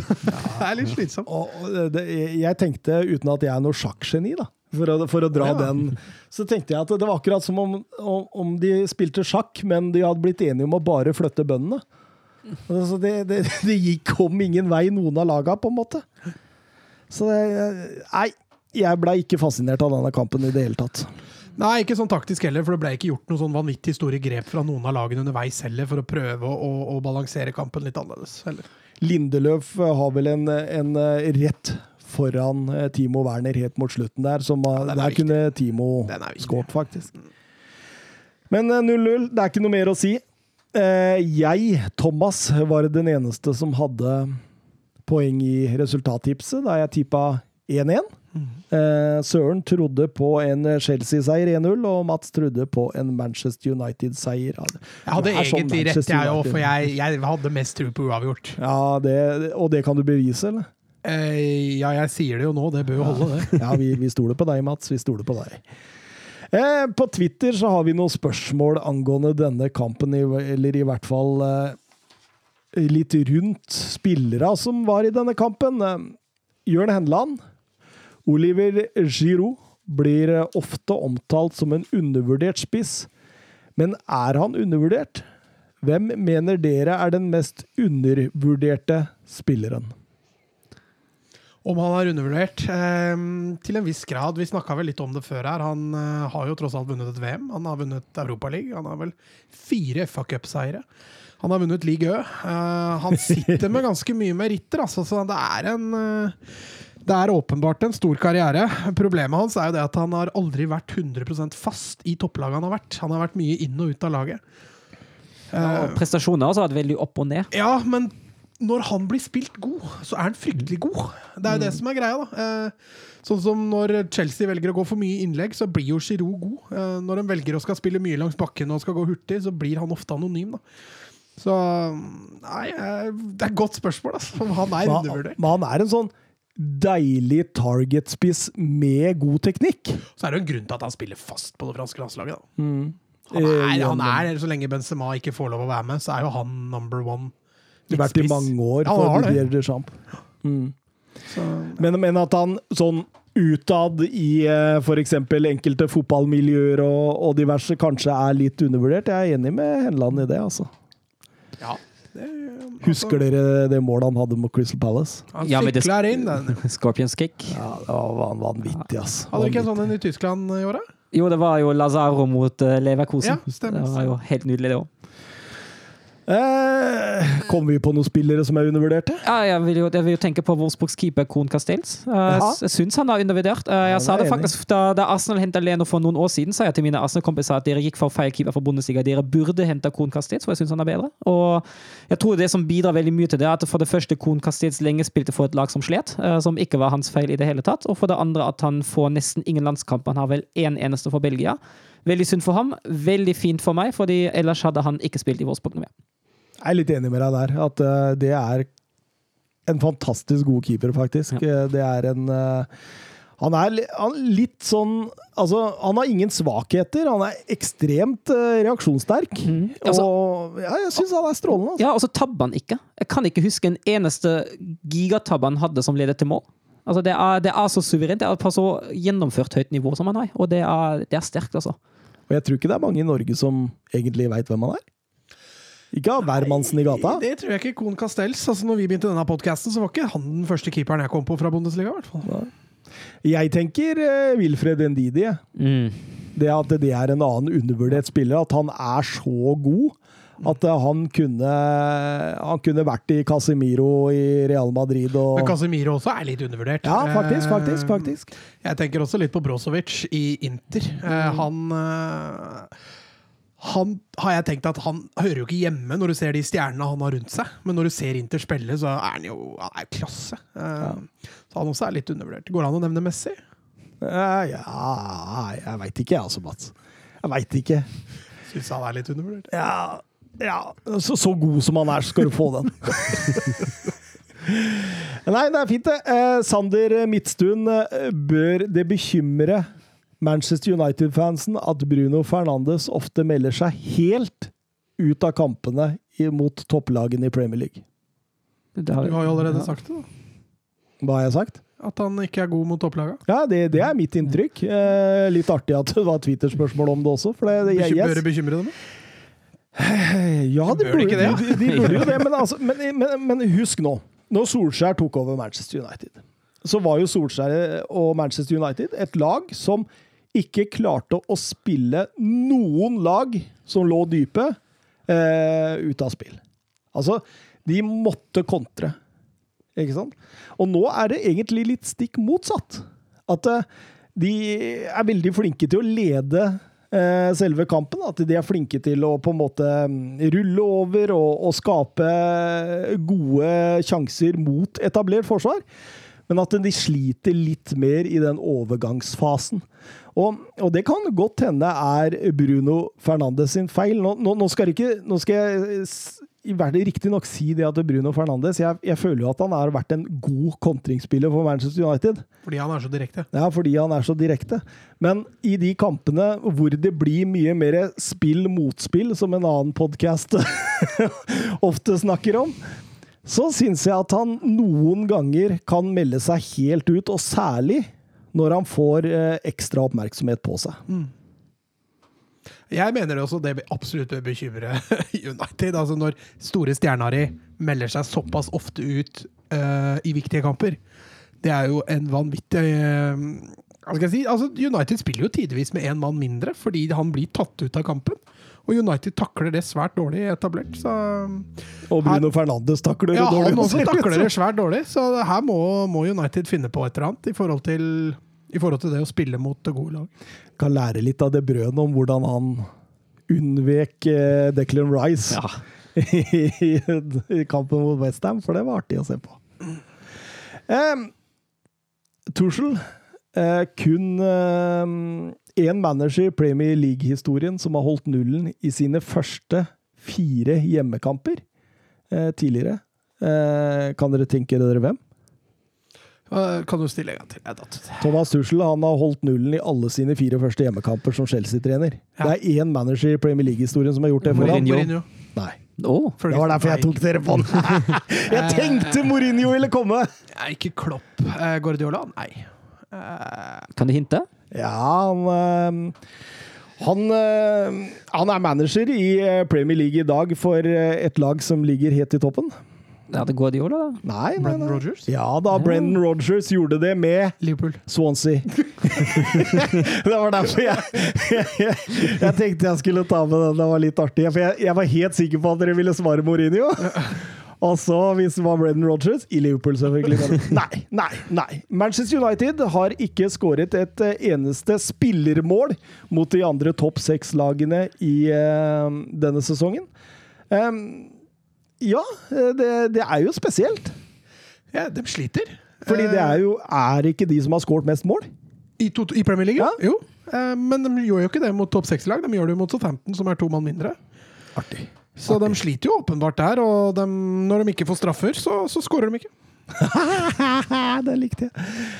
Um, banens beste skal Mats begynne nå, siden Søren klaga på at han fikk begynne forrige gang. klager ikke, det jo, jo, du hata meg da. Hater ingen. uh, nei, jeg gir tre poeng til Mason Mount. Han var uh, et av veldig få lyspunkt, offensive lyspunkt i begge lag, egentlig. Uh, Canté for to tar Bruno Fernandes fullstendig ut av matchen. Ett poeng, der sto det og vikla lenge. Jeg er fortsatt egentlig ikke helt bestemt. Nei, det står mellom Luke Shaw og Victor Lindeløf, men jeg tror jeg går for Lindeløf. Altså. Ja. ja. Jeg har faktisk tre på Shaw, jeg. Jeg syns han gjør en eh, god kamp i begge, begge veier. Jeg syns han er god offensivt de få gangene United er offensivt. Jeg syns han gjør en strålende jobb. eh, Jobb i forsvaret, i hvert fall, altså, særlig etter at eh, James også er på banen. Men han, jeg syns han, han spiller strålende. Jeg gir, gir to til, til Mason Mount. Eh, Jeg syns han var god offensiv. Jeg gir én til Antonio Rudiger, som jeg syns var helt strålende, strålende i forsvaret. Conté vurderte jeg også. Jeg har tre til banens gigant eh, Mason Mount. Eh, Jeg har to til banens klart nest beste spiller, Luke Shaw. Det er så Altså- bra du kommer med fasiten til slutt, sånn at vi får den, Ja. liksom. Sånn at det, da kan dere regne poeng dere har fått. Og så har jeg Andreas Christensen på ett poeng. Jeg syns han uh, gjør det meget bra bak i de bakre rekker. Vi går over til eh, Sheffield United mot Liverpool, og noe så sjelden som en Liverpool-seier. Ja, Det var gøy! det Det unner vi dem nå. Ja, det Ja, unner vi dem. Men altså Når eh, pappaen til Alison også drukner tidligere i uka, og de må da spille uten sin keeper, i tillegg til sine tre midtstoppere og sine to reserve midtbanestoppere Og Adrian er vel nå strengt tatt tredjekeeperen. ja, så, så, så går det jo å tenke på at det, det er jo nesten en stor, stor Altså, det, det er en prestasjon at de ligger der de gjør, med ja. det. alt dette imot, altså. Eh, ingen eh, Altså det er en, egentlig en bra match Ja, ja. De, de kunne ha fått en baklengs der, men, eh, men jeg syns dette er en, en bra gjennomført kamp mot en vanskelig motstander i en veldig vanskelig periode. Altså. Jeg, jeg liker den, den vrien Klopp har på den, kampen. At han flytter faktisk uh, Mané såpass sentralt. Han fungerer jo nesten som en falsk nier. Det blir jo litt, uh, for mine ord, Mané som bytter litt på denne falske nier-jobben i den kampen. der. uh, og at han flytter Curtis Jones såpass høyt i banen. Jeg syns han, han løser, det, løser det strålende taktisk og setter godt press på mellomrommet til til Sheffield har gode motsatte bevegelser, og som du sier, Mats, en god gjennomført kamp. Ja, altså, altså, det er jo ikke altså, To solide stoppere i den kampen her ville Liverpool vært fullstendig overlegne. Det er der de kåler. Ja. På dødball. Altså Når Sheffield får sjanser, så ser du det er enten Kabak som kaver ballen i eget mål her. Det er jo dritflaks at det er offside. Og Nate Phillips, da, som taper ni av ti dueller i egen boks der mot, uh, mot Sheffield-angrepet. Jeg syns eh, Jeg syns det var deilig å se Curtis Jones, og han syns han var strålende. Jeg syns eh, det er eh, også veldig Altså, her Liverpool hadde jo avgjort dette lenge, lenge før. Hadde det ikke vært en Ramsdale i målet til Sheffield United som fant ut at eh, Eller, en, eller et par Liverpool-angripere i form. Ja, ja. Men Ramsdale, for en kamp han Ja, gjør, altså. Nydelig. Helt strålende keeperspill. Men nok en gang så går altså Liverpool-spissen av banen uten å score. Altså. Ja, de gjør det. De gjør det. Altså, Firmino er, er litt i grenseland. Jeg måtte se den et par ganger for å dobbeltsjekke om det faktisk er et sjølmål. Ja, Men eh, men før det selvmålet så skårte Curtis Jones eh, den nye vinen i Liverpool eh, 0-1, og, og Super Sub Sivert spør oss på Twitter Curtis Jones blir bare bedre og bedre denne sesongen. Tror dere han kan bli fast neste sesong? Vinaldum, har han signert ny kontrakt ennå? Mm, nei, ikke ennå. For eh, det også er jo avgjørende i forhold til Curtis Jones, tror jeg. Um, jeg tror nok Fabinho, når Liverpool er skadefri, da la oss ta det som høydepunkt, selv om det kan være lenge til. I 2024! Eh, med Fabinho er jo safe på det laget, tror jeg. Jeg tror ingen, hverken Curtis Jones eller noen får tanka ut han. Og så har du Thiago og Henderson, og det er de som blir Curtis Jones da, sine nærmeste utfordrere. Men, men fortsetter Jones i det sporet her, så blir det vanskelig å komme utenom han. Altså. Ja, altså, jo, de, Liverpool kommer til å ha nok kamper til at Curtis Jones får en god del spilletid uansett. Altså, altså han 20 år, altså Hvis du ikke bygger opp en 20-åring med den formen, uh, da skjønner jeg ingenting. altså. Så har han mange gode å lære av. Mm. Du har Henderson, du har Thiago, du har Fabinho, du har Vinaldum. Altså, du har mye god vin der nå. Altså. Kanskje neste år så kommer en Harvey Elliot inn i det laget òg. Det hadde vært artig. Jo, ikke han litt mer uh, Sala Jeg håper Blackburn kjøper han. Ja, det tror du de får! Og så henter de Taylor Herod Bellis, som de har leid inn fra City. Ja, da får det opprykk! For han uh, Harvey Elliot, det kommer til å bli spiller. Enorm Ja. i Blackburn. Ja, Altså, han herjer tidvis, da. Vel å merke. Han er jo nettopp fylt 17, er han ikke det? Jo, han er ung, bare ungfisen. Han har allerede Jeg tror han har 10 eller 11 assist i Championship. Han har Så, et par så får han ikke spillet i, i Liverpool, så går han til Borussia Dortmund, og så blir han stor der. Nei da, jeg tror Se han gliser! Akkurat som det skulle vært Wolfsburg! Gøy med unge spillere i Bundesliga uansett. eh, Søren er glad i unge engelskmenn i, i eh, Bundesliga. Ja, jeg Hva synes det var er det han kult. sa? Hadde ikke han noe sånn feiluttrykk her om Hæ? Om at han var glad i unge menn? Nei, nei!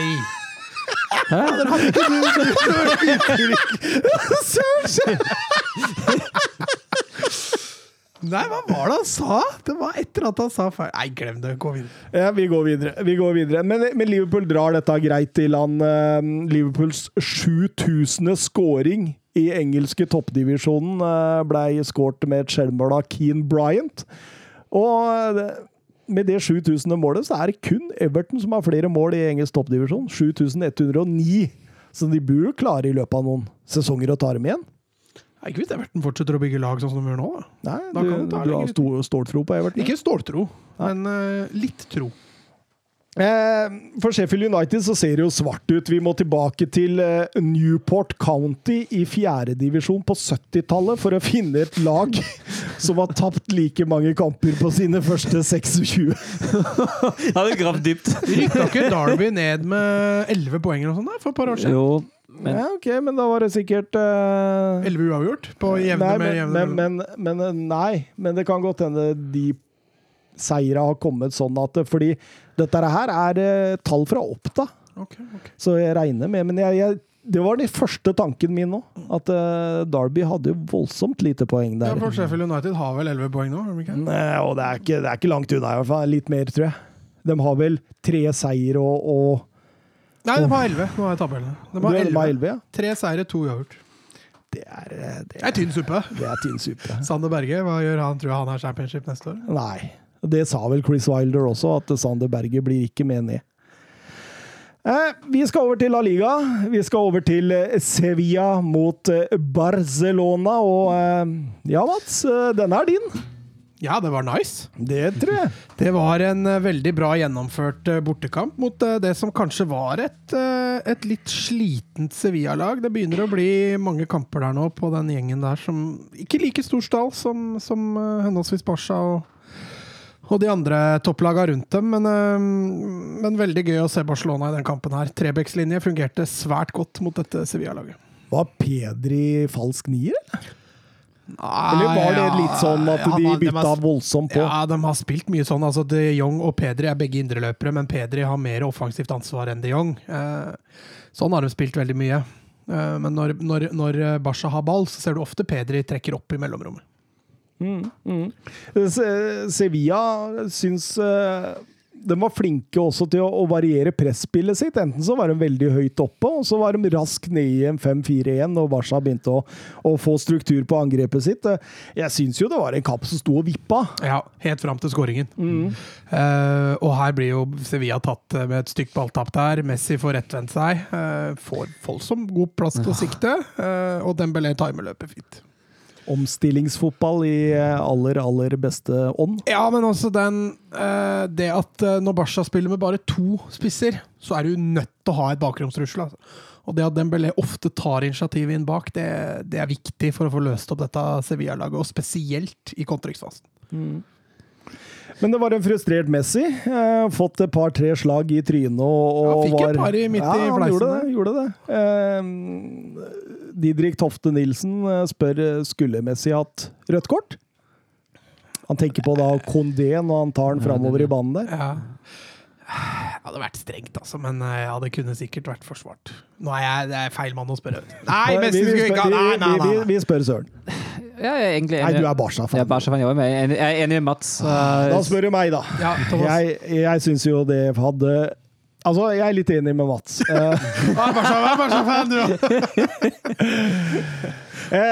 Det kunne forsvart et nytt gult og dermed rødt, men at det hadde vært litt strengt. Jeg er enig i det. Jeg er enig i det. Ehm, 0-0 til pause. Lopetegi gjør tre bytter. 0-1. 0-1 ja, med Dembélé, og så kommer Lopetegi med tre bytter. Skal snu dette. Ja, han gjør, eh, gjør noen bytter i pausen der. Suso og Nisiri kommer annet inn. Tar overraskende nok ikke ut eh, de Jong, så han, eh, han vil ha mer fart framover. Ja, det blir jo en form for 4-3-1-2. Ja, det var en, det var en drøy, drøy konstellasjon der, men ja. som sagt, jeg har jo mest å si defensivt. Ja, og jeg syns jo også Sevilla er bleike offensivt. Ja, Altså. Jeg syns han bytter seg dårlig Ja, altså, ja. i pausen. Jeg syns Sevilla kommer dårligere ut av det. De har fortsatt OK kontroll etablert mot Barcelona, men skaper fryktelig lite offensivt og ender jo til slutt også opp med, med å bare måtte ta ut de Jong, for han er jo helt ute av det. Lionel Messi 2-0. Ja, det var fint, uh, fin flikk av uh, Ilay, innbytteren. Det er Synd at Pedri måtte ut. Jeg syns Pedri spilte en uh, veldig god kamp. Ja. Eh, dumt at han eh, måtte ut. Det var vel to, to uker skade, sa du, Mats? Ja, de regna med to uker, så han går vel da antageligvis glipp av PSG, så det er fryktelig kjipt. Kjedelig. Men, Har eh, noen sjanse der uansett, da? Ja, Ja. jeg tar, regner med det. men flikken, eh, flikken til Ilay er fin, og så prøver jo Messi å, å lobbe. Det går ikke helt, og Bono er jo litt, litt uheldig da, dessverre for ham.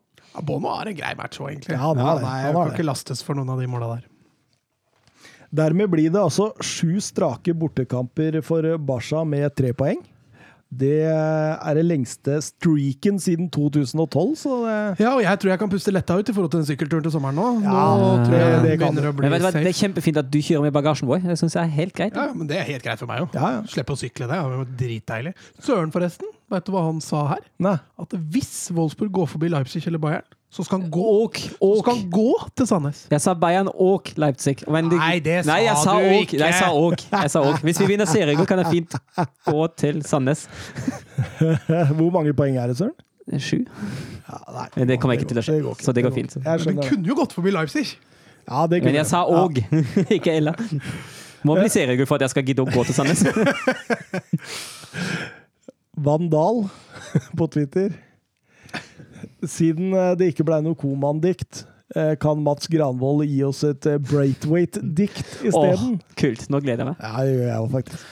Vet du hva, Fandal, du får aldri noe Braithwaite-dikt av undertegnede. Men det jeg satte ned og skrabla litt før vi kom hit nå, var en liten novelle. Hvor jeg har tatt utgangspunkt i blant annet Martin Braithwaite. Eh, jeg har skrevet første kapittel. Det er ikke så fryktelig langt. Eh, problemet litt når du sitter sånn og skal være litt satirisk og kritisk og morsom mot egen klubb I hvert fall jeg, da. Det jeg regner med fleste supportere har det litt sånn. At du Altså, du blir litt såra da, når klubben din gjør det så fryktelig dårlig. Og da sitte og være morsom, det var ikke så lett det heller. Men jeg har prøvd, da. Så får vi se. Eh, historien har jeg kalt eh, Nei! Martin Braithwaite. Nei! Ta deg sammen! Eh, første kapittel, Jeg har ikke gitt noe kapittel noe navn, så, så hvis det blir suksess, så får jeg se om jeg gidder å lage et kapittel nummer to. Ok, Nå skal jeg bare sette litt mooden her. Eh, det er en eh, bekmørk februardag i 2020. Catalonias mest shady kriminelle rotter har samla seg.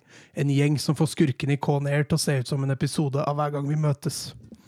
De har et viktig møte i Barcelona sitt styrerom for å diskutere framtiden til fotballklubben i byen. De har nemlig fått disp av ligaen til å hente en spiller utenfor overgangsvinduet, siden stjernespissen Suárez har fått langtidsskade. Mange navn nevnes. Rashford, Salah, Cavani. Til og med Neymar nevnes, mannen som i dette øyeblikk saksøker klubben. Mafiabossen Bartomeo sukker. Eh, sukker tungt mens det diskuteres rundt han. Det må da finnes dårligere spillere der ute vi kan hente for en dyrere penge, tenker han. Mens han ser tilbake på fadesen i 2015, da klubben vant til Trouble. Heldigvis er vi langt unna det nå, tenker han og puster letta ut. Møtet går mot slutten. Vinen er for lengst drukket opp, sigarene er brent ut, og mafiabossen Bartomeu tenker å avslutte møtet.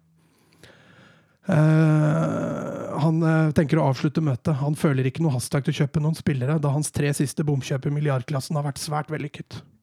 Idet han reiser seg for å slå hammeren i bordet, får sportslig direktør Jaume Grau en idé. Han titter lurt bort på Bartomeu før han sier høyt Hva med Martin Braithwaite? Det blir helt stille i lokalet noen sekunder, før alle bryter ut i latter. Alle unntatt én. Mafiabossen Bartomeo. Han ser bort på Hammergrau og smiler. For en fantastisk idé! Make it happen! utbryter han, før han slår hammeren i bordet. Johan Cruyff rekker akkurat å snu seg i graven. Før, før Bartomeus stormer ut derfra. Han, har nemlig, eh, han kom nemlig på at vaskemaskinen i kjelleren har vært ferdig en stund, og noen må henge opp euroene til tørk. Men det er nydelig. Nydelig. nydelig. Hæ? Det var nydelig! Det var kapittel én, og jeg hadde ikke tid til å skrive det mer. Åh, jeg håper Twitter ber om kapittel to. Nei, Hvis ikke Twitter gjør det, skal jeg gjøre det. Ja, det, det, jeg fikk nesten gåsehus. jeg, Altså, altså, det mangler fiolinmusikk i bakgrunnen. Ja, jeg tenkte å spørre om det, men det tror jeg ikke vi får til. Så jeg gadd ikke. å spørre om det. Nei, det var strålende, strålende. Men det ble 2-0 til Barcelona, og eh, ikke Bartomeo, men eh, Ronald Coman kan smile. Bartomeo er sikkert litt sur, han nå. Ja, han er jo Ja, det er. Barca-gate. Vi har jo ikke prata om Barca-gate, og det er kanskje like greit. Nei, eh, vil du prate om Barca-gate? Nei, vi kan godt Altså, det er veldig enkelt. Det er jo det at nå har de fengsla Bartomeo og Grau og et par til for, for å øh, Hva skal vi si? Svertekampanje mot bl.a. Messi og Piquet, i tillegg til hvitvasking av penger, da. Det er nydelig når du hyrer et eget mediaselskap for å gjøre svertekampanjer mot sine egne spillere. Det er, det er, det er da Du kan make it up! Ja, det er helt spinnvilt. Det er jo rett ut av en uh, krimnovelle fra en eller annen uh, tysk Oi. Derek? Å, husker du Derek? Var Derek populær i Tyskland? Er ikke så populær som i Norge, men det var populær i sin tid. Men jeg var veldig overrasket da jeg kom til Norge og Derek plutselig gikk, uh, gikk på ettermiddag på NRK2. Jeg bare Hva er det for noe? Skjønte ingenting, jeg. Men var ikke han der av politihunden nå? Var ikke han fra Tyskland? Han der av Rex. Ja. Ja. Rex var veldig populær. Jeg gikk uh, torsdag 2015. Det Ja. husker jeg. Det var Da satt familien Dupker klar. Nei, Farmor pleier å se på det. Nei, hun hata han.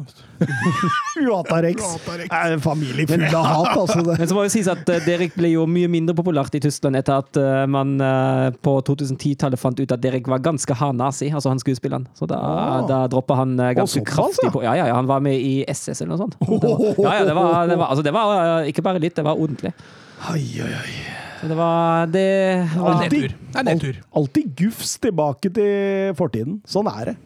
Det kommer alltid sånn uansett hva du driver med. Ja, altså, men altså, det, jeg vil jo si at hvis du er nazi, er det veldig fortjent at du får, får gips. Altså. Ufortjent, søren! Han blir hyllet som en helt Ah, det kommer alltid noe gufs! Nei, men jeg tenkte, hvis du, hvis du har en shady bakgrunn, da, så vil det alltid dukke opp igjen. Uh, uansett om du er ferdig med det. Så uansett. Men ja, vi, vi, går, vi går og vi sier ha det til Harry Klein og drar til eh, Via Real mot Atletico Madrid, for der var det et eh, lag som måtte opp på hesten igjen. Ja, kan, vi, kan, vi, kan vi si at Atletico er tilbake i sitt, i sitt gode, gamle slag? Altså, De har slitt litt nå i det siste. Eh, Tapte jo mot Chelsea i Champions League. Har jo gått på noen eh, flaue poengtap mot Levante, så de, de måtte jo finne på et eller annet. Via Real, tøff bortekamp. Villarreal har jo vært brukbare denne sesongen. Jeg syns Real leverer en OK kamp. En av de bedre kampene faktisk av Viareal i år, på, da med tanke på motstanderen. Så, Men det var litt sånn Diego Simione, her har du ballen, og så skal vi Ja. bare ligge Ja, ja, bak. ja. ikke sant? Det var jo akkurat som Diego Simione nå, som denne sesongen har vært litt sånn nytenkende. Og så, det, blir- det blir litt det samme som at hvis du hvert eneste år har spist, uh, spist uh, pizza til middag, og så finner du ut en, ett år, 2021, så finner du ut at nei, nå skal jeg velge litt taco og litt uh, biff bourgognon og masse sånne gode retter. Å, det var nydelig! Dette var helt fantastisk! Jeg har fått et nytt liv! Og så går du på et par smeller, altså det er par sånne råtne egg og, og litt dårlig tunfisk. Så kaster du absolutt alt igjen, og så går du tilbake til pizzaen. Der har du det. Ja, det Men jeg kom på en ting. Har en undervurdert spiller jeg glemte å nevne. Samuel Chukwese. Ja. For en nydelig fotballspiller. Artig spiller. Ah, helt nydelig Mm. Kosa meg mye med han i den kampen her. Såpass, ja? Ja, ja. Ja, han er fin. Ikke som med Sørens unge gutter. Men eh, Søren, eh, det ble et selvmål etter 25 minutter der. Ja, det ble, det ble jo godkjent etter VAR, for det var ikke offside. Eh, Litt, Det, at det tok så lang tid, Ja. det er helt ufattelig. men uh, veldig, veldig uheldig da Pedraza som enda opp med sjølmålet også. Det var jo Med ryggen? Med ryggen, ja. Og redning fra keeperen i rygg til, til egen spiller. Det er, det er fryktelig kjedelig, men uh, da hadde i hvert fall Simione god grunn til å legge laget dypt og vente og se hva som kom til å skje. Jeg syns uh, Villarreal er gode. De er gode Parejo styrer der. Og, Ja, ja. De er, altså, det, I den kampen her så hadde de slått eh, 15 av 20 lag, holdt jeg på å si 19, da, for de spiller jo ikke mot seg sjøl, men 15 av 19 lag i La Liga hadde de slått med den eh, fotballen her. Ja, det var, det var nydelig å se på. Det var, eh, var bra. Det var Absolutt alt fungerte relativt godt fram til avslutningsøyeblikket. Eller sistepasning, som man liker å si. Og så er det så gøy å se med Chukwese hvordan vi arealspillere ser mye etter han. Mm. Altså Det er liksom sånn at uh, Han har begynt å få den anerkjennelsen. Han har sliter med skader i år, da, dessverre, men uh, det der kommer til å bli en herlig fotballspiller. Altså. Joao Felix kom inn til pause, noe måtte gjøres. Det var jo ingenting omtrent og offensivt å gå på der, eh, utenom det selvmålet der. Og, og jeg syns jo på en måte at det, de gir litt frukter, det innbyttet. Fordi han skaper rom, og han skaper også rom til en Jorente, som klarer å, å frigjøre seg flere ganger. Og jeg syns egentlig at det, annenomgangen er en del mye bedre enn første omgang, selv om fortsatt eh, Villarreal har styringen. Ja, altså, Litt overraskende. Jeg veit ikke hvorfor han ikke starta, om det var for å spare han eller, eller hva det var for noe. Men uh, viktig kamp det her, så det var litt rart at han ikke fikk starte, egentlig. Han frigjør også rom til Suárez. Uh, Suárez blir jo forferdelig aleine i den første omgangen der. Altså, med en gang Felix kommer inn, så som du sier, renteblomstrer. Suárez får mer plass. Han blomstrer riktignok ikke, men uh, Og så får jo Felix målet, da. Fin skåring. Og du ser han, idet han skyter, så veit han at han scorer. Og det er jo en 15-minuttersperiode der av en stopper vi har hylla ganske mye i Pau Torres der, som er helt håpløs. Helt håpløs. Den første han gir bort, altså Vær så god, Luis Suárez! Vær så god! Og, og, og så ved målet også, så svikter han jo. Ja, Han som har Pau Torres på draften, han sliter faktisk. ja, stemmer det? Stemmer det, så. han er en klassespiller som dessverre hadde de 15, de 15 dårlige minuttene hadde nå. Det går fint. Men, eh, men mot slutten nå, jeg syns Villarreal styrer, og han ja. Alex eh, Baena han har jo nok sjanser egentlig til å, å, å gi poeng alene. Ja, han har jo nok sjanser. Han, han kommer jo til gode, gode avslutninger, men det er jo det er veldig, det er en del utenfor, utenfor boksen også. Uh, så på egen boks har jo Atletico med noen få unntak egentlig ganske god kontroll. Eh, Altså bytter han inn Kondogbia og Torreira ja, der. altså, vet du hva. Stenger butikken. tar han ut Korea og Luis Suárez og LeMar, og så er bare all offensiv kraft borte. Altså to inni der er jo Butikken er stengt! Butikken er stengt! typisk Simione der. Ja, han, trakk jo, han trakk jo allerede etter 1-0 trakk han jo ned ti spillere i og rundt egen boks. Det var bare Suárez som sto på topp. Ja. Litt bekymra på Simiones vegne i dette bydarbyet nå, altså i neste helg. Jeg syns de så litt slitne ut, rett og slett. Ja, og dem eh, har Nei, de har ikke kamp nå i midtuka. Nei, kanskje ikke. Kanskje ikke. Er det neste uke de har kamp? Eh, de skal jo spille hengekampen sin i, La Liga nå mot Bilbao, men jeg husker ikke om det er denne uka eller om det er neste uke. Eh, Men eh, jeg, jeg er enig med deg. Jeg håper for Atletico Madrid sin del at Nei, det er neste uke. Da har de altså friuke denne uka her. Det spilles jo Copa del Rey semifinaler, så da kan de mulighet til å hente seg litt inn før derbyet mot Real Madrid. Ja. ehm, det var Emerys eh, niende møte med Simione han, ehm, i La Liga. Han har aldri vunnet. Eh, så dette Han også er en manager som sliter mot historie. Han har vel aldri slått Barcelona eller, eller noe sånt. Jo, han vant vel 6-1 med PSG. Nei, Ja, 4-0 med PSG. Stemmer det, stemmer det. Good evening himself. Ja. eh, Simiones 308. Eh, Atletico Madrid-seier utligner dermed Luis eh, Aragones sin rekord med Atletico Madrid på 308. Bare han gjør det med 100 kamper mindre. Så det, det er imponerende. Spørs om ikke han tar den rekorden i løpet av kort tid. Mm. Tror du, tror du Simione kommer til å trene en annen klubb en gang? Ja. Hvilken klubb tror du da? Eh, altså Hvis han drar videre ut i Europa, så må han dra Ja. ganske snart. Men han drakk ikke til La Liga, han òg? Nei, sånn nei, nei, nei, men du sa Europa. Så. ja, ja. Eh, Så kan hende du ser han i Italia eller Tyskland eller England det, det, eller Frankrike. Det, det tror jeg. Men hvis han blir i Atletico Madrid lenge, så kan det fort hende han avslutter i Argentina. Altså. Ja. Har litt sånn typen til det.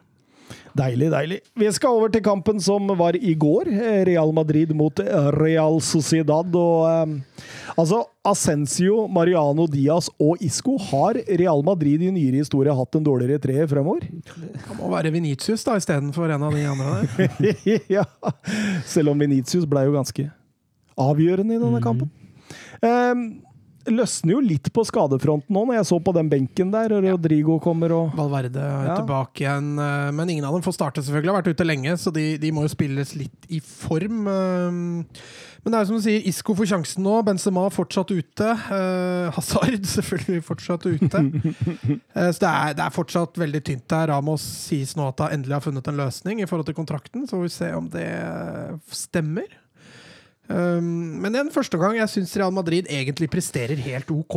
Jeg føler de har egentlig god kontroll på Sociedad. Sociedad har noen farlige tilløp på kontringer, men Hvorfor fikk ikke Monreal straffe der etter seks minutter? ja, det kan du lure på. Ja, det, det, den, den stussa jeg veldig på. Ja, og den si ble det. ikke tatt av VAR heller, Nei. Uh, men han kommer åpenbart foran, og Ja. burde kanskje i hvert fall blitt sett på. Jeg syns den var rar, altså. Er helt enig, men så gjør Sinedan en generaltabbe. Ja, herregud.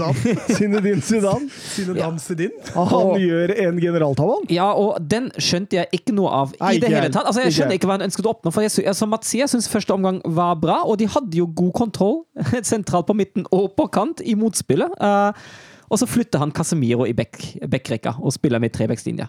Og eh, altså, da mister han altså, Det som skjer, Sociedad får bedre rom i mellomrommet og bak bekkene. Og det skal bli jo avgjørende når de skårer 1-0. Og jeg, skjønner ikke hva han ønsket å oppnå med det. Ikke i det hele tatt. Ja, du ser plutselig at oi, David Silva spiller òg, ja.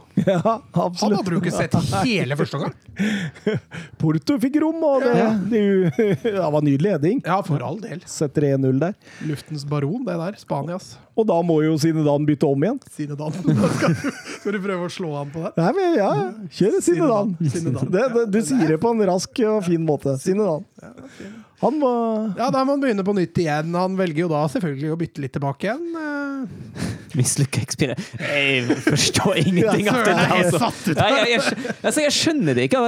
Sn- Vi snakket litt Mats og jeg om det, om det sånn før sending nå. Mats, eh, Mats foreslo at han ønsket å prøve et eller annet. Så tenker jeg, eh, Sociedad hjemme når det står 0-0 til pause, ikke akkurat den kampen du velger for å prøve et eller annet. Altså, Han fikk mye kritikk eh, av journalistene etter kampen på det, og mye spørsmål. Han sa og forsvarte seg med at han var ikke fornøyd med presspillet de siste 15-20 minuttene. Og at det var, han ville prøve å, å ordne opp i det. Men uh, jeg så ikke at det var noe merkbart forskjell i presspillet der fra Nei, men uh, når du da er for, misfornøyd med presspillet, så tar du en av de beste spillerne dine én mot én. Og så fjerner hun fra første pressledd. så det er et eller annet der som skurrer lite grann. Men det er mulig han skulle tette igjen litt. da, Prøve den treeren på midten litt annerledes. Eller, nei, jeg vet da fader. Altså, jeg har ikke noe godt svar. Nei, det, Nei, jeg, ikke jeg jeg er helt sjokkert, egentlig, når jeg så det. Jeg bare What? Hva driver han med nå? Og det kosta jo selvfølgelig Men Ja, så venter han jo med å bytte igjen heller. Du, Ja. Når du ser Ja. at etter fem, seks, sju, åtte Mm, minutter Nei, dette fungerer ikke, vi bytter tilbake igjen. Altså, så venter du altså ti minutter, og så kommer målet. Og så, da er, han trengte ikke å bli outcoacha, han outcoacha seg sjøl, han. så Zinedine Zidane vant over Zinedine. Zinedine. Zinedine. Vant over Zinedine. Ja, ja. Han- Han klarte i hvert fall å tape poeng der på egen hånd. Altså. Ja, han gjorde det. Bra for Barca. Absolutt bra for Barca. Eh, trolig bra for Atletico Madrid òg. Men han, han gjør et trippelbytte der som gir li, litt mer trøkk framover, da. Altså Den fronttrioen der var jo fryktelig tam, da, det skal sies. Hvis det var eh, et ledd som sleit i den kampen her, så var det jo, var jo fronttrioen. Eh, jeg syns det var litt kjipt at ikke Sergio Ribas fikk komme inn. Jeg syns han har vært fryktelig artig å se på når han har fått sjansen, men kjører Rodrigo og Venicius, den brasilianske duoen, i tillegg til unggutten Hugo Duro, så Men jeg er enig med deg, det, ble, det er litt mer spennende. Ja, absolutt. Og det var litt morsommere å se Det er på, litt rett og mer slett. sexy. Ja, ja. Selv om uh, du har jo mister ineffektive Ja, han er pappaen han til Mister Ineffektive. ja, Jeg flira når han skårte mål. Så, Oi, han skårte målet! Han måtte jo via én spiller. Jagerskytter rett i mål, han. Den hadde gått rett på Remiro! Det Skuddet der. Han måtte, liksom!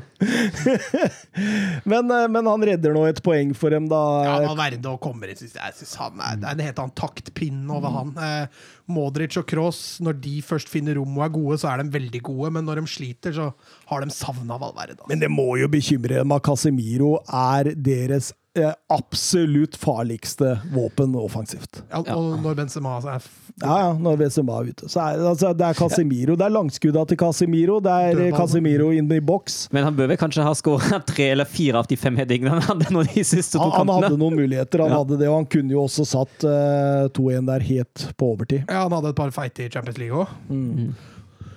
Men han er jo ikke noen målskårer, men han kommer til dem. Ja, altså, men han er god til å time i lufta, vet du, så på dødball så er det, jo, er det jo en trussel. Vi skal over til eh, Borussia Haaland mot eh, Armina Bielefeld.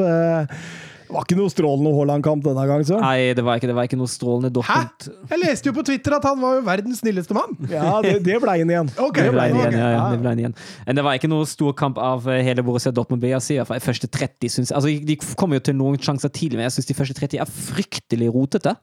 Det er pasningsfeil etter pasningsfeil, og får på en måte ikke dratt opp et ordentlig angrepsspill i det hele tatt. Eh, sliter fortsatt mot etablert. Eh, det blir bedre når Sancho bytter over til høyre, fordi Bielefeld var veldig innstilt på at Sancho skulle komme via venstre, og når den først kommer, etter, eh, kommer via høyre etter 30 minutter, da blir det bedre, og da kommer det sjanser for Dortmund.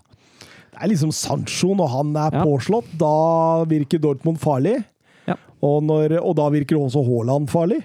Og, og når han er litt avslått, så ser det dårligere ut. Og, men Cordova har jo en kjempekjanse Ja. til å sette 0-1 Og at han, ikke, at han ikke setter den, det, eller i hvert fall ikke, ikke få den på mål, bomme på mål der. Eh, og Da hadde det vært spennende å se hvordan Ja. de takla den andre omgangen. Altså. Ja, 0-1 der ville vært toneangivende, tror jeg. Eh, For det har du sett når Dortmund spiller hjemme, når de først får én baklengs, så løsner ikke heller. vet du. Nei, nei, de maler seg inn i et hjørne.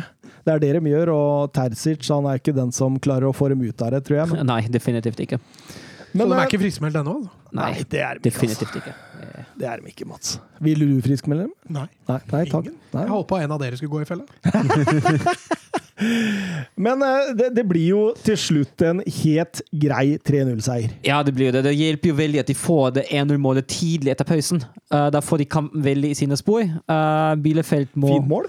Veldig fint mål. Uh, Dahoud uh, synes generelt han spilte unntatt den tabben da før den, uh, før den sjansen til Kordova, syns jeg Dahoud var overraskende god. Uh, jeg syns han fungerer fint som bindelett mellom forsvar og angrep. Fint som, eh, som en som quarterback-type som strø de pasningene rundt omkring sentralt i banen. Men det var der han var god for Tyskland under Ja. U21-EM òg. Ja. ja. han har liksom aldri nådd opp til nivået i Bundesliga. Så hvis, Ikke tatt det siste nivået. Nei. hvis, han, hvis de får i gang han, da er det en spiller de liksom har mangla litt på midten. I hvert fall ja. Witzel eh, ikke spiller. Vi har jo spøkt litt med det at Borussia Dortmund trenger en uh, Wilfred Ndidi, en Declan Rice, en sånn type. og Hvis han klarer å bli en sånn en etter hvert, så, Ja, det så det hadde løser det opp eh, litt. Han var, jeg syns han var god mot Sevilla også, så, Ja, det så helt, helt, klart, eh, helt klart på oppadgående kur- kurve nå. Så får vi se hvor lenge det, hvor lenge det var, om han eh, klarer å ta neste steg nå permanent. Det hadde vært veldig, veldig hyggelig for både Dortmund, Dahoud og det tyske landslaget. Absolutt. Men, men, men selv altså Sancho skårer 2-0 på straffespark der. Og, men, men selv da så sliter eh, Borussia defensivt. Ja. Altså, ja, Men de må i hvert fall finne en til å ta straffer, da. Det er positivt. positivt. ja, det er positivt. Det er positivt til Royce og Haaland uh, bomma etter hverandre der. Ja. Nei, men jeg er helt enig. Jeg syns, jeg syns heller ikke det Forsvaret kan friskmeldes på noen som helst måte. Jeg synes det er det, Det er det balanseproblemer i laget, ja, tenker jeg. ja, det ser sånn ut, altså. For det, det, det, det virker som at det, altså, når, når den presser høyt, så blir det så jækla svært strekk! strekk. Og det, det blir så mange store rom å angripe i. Er Ja. du god nok i kontringene der, så straffer du dem, altså. Ja. Men han driver jo fortsatt og eksperimenterer mye i midtforsvaret og, og på, på bekkene der. Nå er Morey Virker det som Morey er foran Monier. Ja, det virker litt sånn, ja. Uh, jeg, jeg misforstår meg rett, det er Barca-produkt, så jeg unner han alt vel. Jeg. Eh, bortsett fra å gjøre det bra når han stemmer Barca, da. Men Emre Can også stopper. Ja. Nei, Det er ikke, det er ikke posisjonen hans heller. Nei, han, han, eh, nå spøkte vel, eh, spøkte Terzic med at eh, Emre Can skulle pakke keeperhanskene til, til cupkampen, for man vet aldri hvordan den skal bli brukt. Jo, men det her er jo litt av problemet òg. Altså, Når det rulleres såpass mye som det gjør. Da. Ja, altså, altså er det fortsatt en Vi har vel vært inne i det 3000 ganger før, men med, det- med Mats Hummels og det laget som du har, jeg syns du bør spille en, en trevekst inn, ikke en firevekst. Det er jo bare Hummels og Cureiro som er fast. Ja, ja, ja helt klart. Men eh, altså, altså, Guerrero, altså Guerrero fungerer fint i samspill med, i samspill med, eh, med Sancho for all del, men jeg syns Guerrero kommer mye mer til sin rett Ja. i en, eh, i en. Helt enig. Få litt friere offensive tøyler. Ja. Han Og, har og, litt og det, det vil jo også gagne Monier i så fall. I, å legge over til fem bak. Fem Mm. bak. Men det, Gureiro har litt det samme genet som Cancelo, bare han er på motsatt side. Ja. ja, absolutt. Absolutt. Jeg er helt enig. Uff, må ikke selge han til City, ass. Da blir de helt ute. Trenger en venstrebekk der og inn. ja, men men uh, Reinier skårer sitt første i Bundesliga. Ja, et av verdens snilleste mann. da. Ja, Verdens snilleste mann, men det, han var ganske snill òg, Ja, han var snill. Altså, det, var jo, var jo, det var veldig god oversikt. da. Han ser, han ser Reinier godt, og fin pasning, for all del. Lagspiller Erling Braut Haaland. Hæ? Ja, der er han snill, altså. Han er det, for der, der kan du gå. Harry Kane hadde gått på egen sjanse der. Ja, og så har han jo på godbeinet i tillegg. Ja. Så Ja, altså, var- altså, er det jo en kamp, altså, for han som spiss har jo de to store i første omgang. Det er nok en kamp der han føler at dette her går ikke, eh, går ikke optimalt. Og som en spiss er det mye lettere å da prøve å tvinge fram den skåringa man, eh, man, man ikke helt får, får det man har fått tidligere i den kampen. Helt enig. 3-0 Dortmund. Vi skal over til eh, Bayern München mot eh, Köln. Ja uh, Choupo-Moting! Choupo-Moting, ja, han skåra sitt første i Bundesliga, Bundesliga for Bayern. da. Agenten begynte allerede å begynne å rasle om nye kontrakter, eller eh, Ja, høre om eh, Inter Milan eller noe sånt, og var ute etter en ny striker. En 90 minutter favoritt. Men Bayern, eh, Bayern vil, ha, vil eh, etter sigende da beholde ham nå en sesong til, i hvert fall. Nei, Eh, Bayern vil egentlig ikke det, men agenten hans vil det. og da, da sier Bayern OK. Men altså, jeg, syns jo altså, Bayern, altså det, er forvent, det er en liksom kamp som forventer Bayern har, kontroll, eh, har god kontroll på Köln, men, Å ja. Uh, Det er en understatement. men jeg syns heller ikke Bayern kan friskmeldes på, på de problemene vi har diagnostisert litt på dem i det siste. Eh, Jeg syns ikke det forsvarsspillet er helt uh, i hvert fall ikke etter pausen. Uh, da går de en god del i en del eh, overganger. Jeg syns heller ikke spillet mot etablert er voldsomt imponerende. De er veldig effektive i første omgang, uh, og så skårer de litt på de sjansene de har. Og så er de i hvert fall heldige at Köln ikke skårer minst én til, med tanke på den Neuer-tabben da kvartet kvarter før Åh, sluttspill var, var stykk.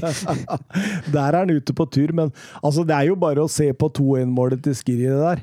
Så, så, så ser du jo hva Bayern kan slite med defensivt, for der er det klovner i kamp både én og to og tre ganger. Pølse i brød og farvel. Ja. Det er, det er Altså, den Altså- jobben det gjøres til Selv Kimmich der Ja. er jo ute og sykler. Altså, altså, altså det Ingen i midtforsvaret der tar ansvar, skriker 'jeg tar den ballen' og blåser den 50 meter langt unna. Eh, Ingen. Nei, Er, de sier jo 'jeg vil ikke ha i det'. Ja. Dette, dette, dette er ikke min! Ja. Dette er ikke min! Jeg vil vekk. Altså Alaba der, for eksempel, også. ja, Nei, katastrofe, altså. ja, jeg er helt enig. Og så slet, slet Bayern jo litt utover i omgang. Syns jeg de slet, sliter litt med rommet bak, eh, bak kantene. Det finner Köln godt ut av. Går en del på overganger bak, eh, bak kantene. Jeg syns i første omgang er Bayern gode til i gegenpress. Jeg syns i andre klarer Köln å komme seg fortere lengre opp. eh, Slå tidligere langt, og det ganger de på. Og så syns jeg jo Leroy Sané begynner å, å få Ja, det. veldig. veldig. Nå, han har jo vært skada lenge, og man har, eh, har blitt spekulert litt om det er den skaden, det, ska, det skadeavbrekket som har sørget for at han ikke helt kommer i form. Det kan jo tenkes at han nå virkelig er i kampform, og nå, nå ser han bra ut også. Ser ut som den Bayern-trøya er malt på kroppen hans, for Ja. å si det sånn. Og ser, nå ser det ut som han eh, virkelig har kommet inn i laget. Ja, og altså viktig for Bayern at Goretzka tilbake. Han ender opp med tre assist. eh, Kjempesterk. Banens klart beste Ja, jeg er helt enig. Helt Ja. enig. Musiala har valgt Tyskland, da. Ja. Eh, Det er hyggelig. Veldig gøy. veldig hyggelig. Han eh, sa jo han skrøt faktisk av Løv. Altså. Han, eh, det var jo etter samtalen Ja, det er jo ikke et godt tegn. Nei, det er ikke et godt tegn, men uh, da tenker jeg at her gjelder det bare å få han på banen fra, før, løv, uh, før Løv forsvinner. At han ikke men- kan ombestemme seg. Men uh, Men det tror jeg han lurte i. ja, jeg tror også, altså, med tanke på de, altså, de gutta som du Hvem har er det han ville kjempa med på det engelske landslaget? Uh, Grealish, Mount Ja, ikke eh, sant? Der har du gjengen. Ja, Foden, og- eh, Madison. Del- Dele Alli. Ja, det hadde jo vært Og i Tyskland tenker jeg at altså, det, det, går, det er bra for ham. Jeg er, så veldig, jeg er veldig fornøyd med at han har valgt Tyskland sjøl. Jeg syns det, det er fint, det. Hvor lenge har han bodd i Tyskland, da? Nei, han, eh, han, har vel, han er vel født i Stuttgart, og så flytta han, eh, han som seksåring til England. Og så kom tilbake i, eh, i 2019, da han gikk fra Eller han var vel tilbake ett år i 2011-2012, og så spilte han da i, kom tilbake til Bayern da han spilte i 2019. Hvilket klubb spilte han for i England? Du? Han var i akademiet til Southampton og Chelsea. Det er riktig. Poeng til Søren. Å, Da ja, ligger du du- etter allerede i neste quiz, faktisk.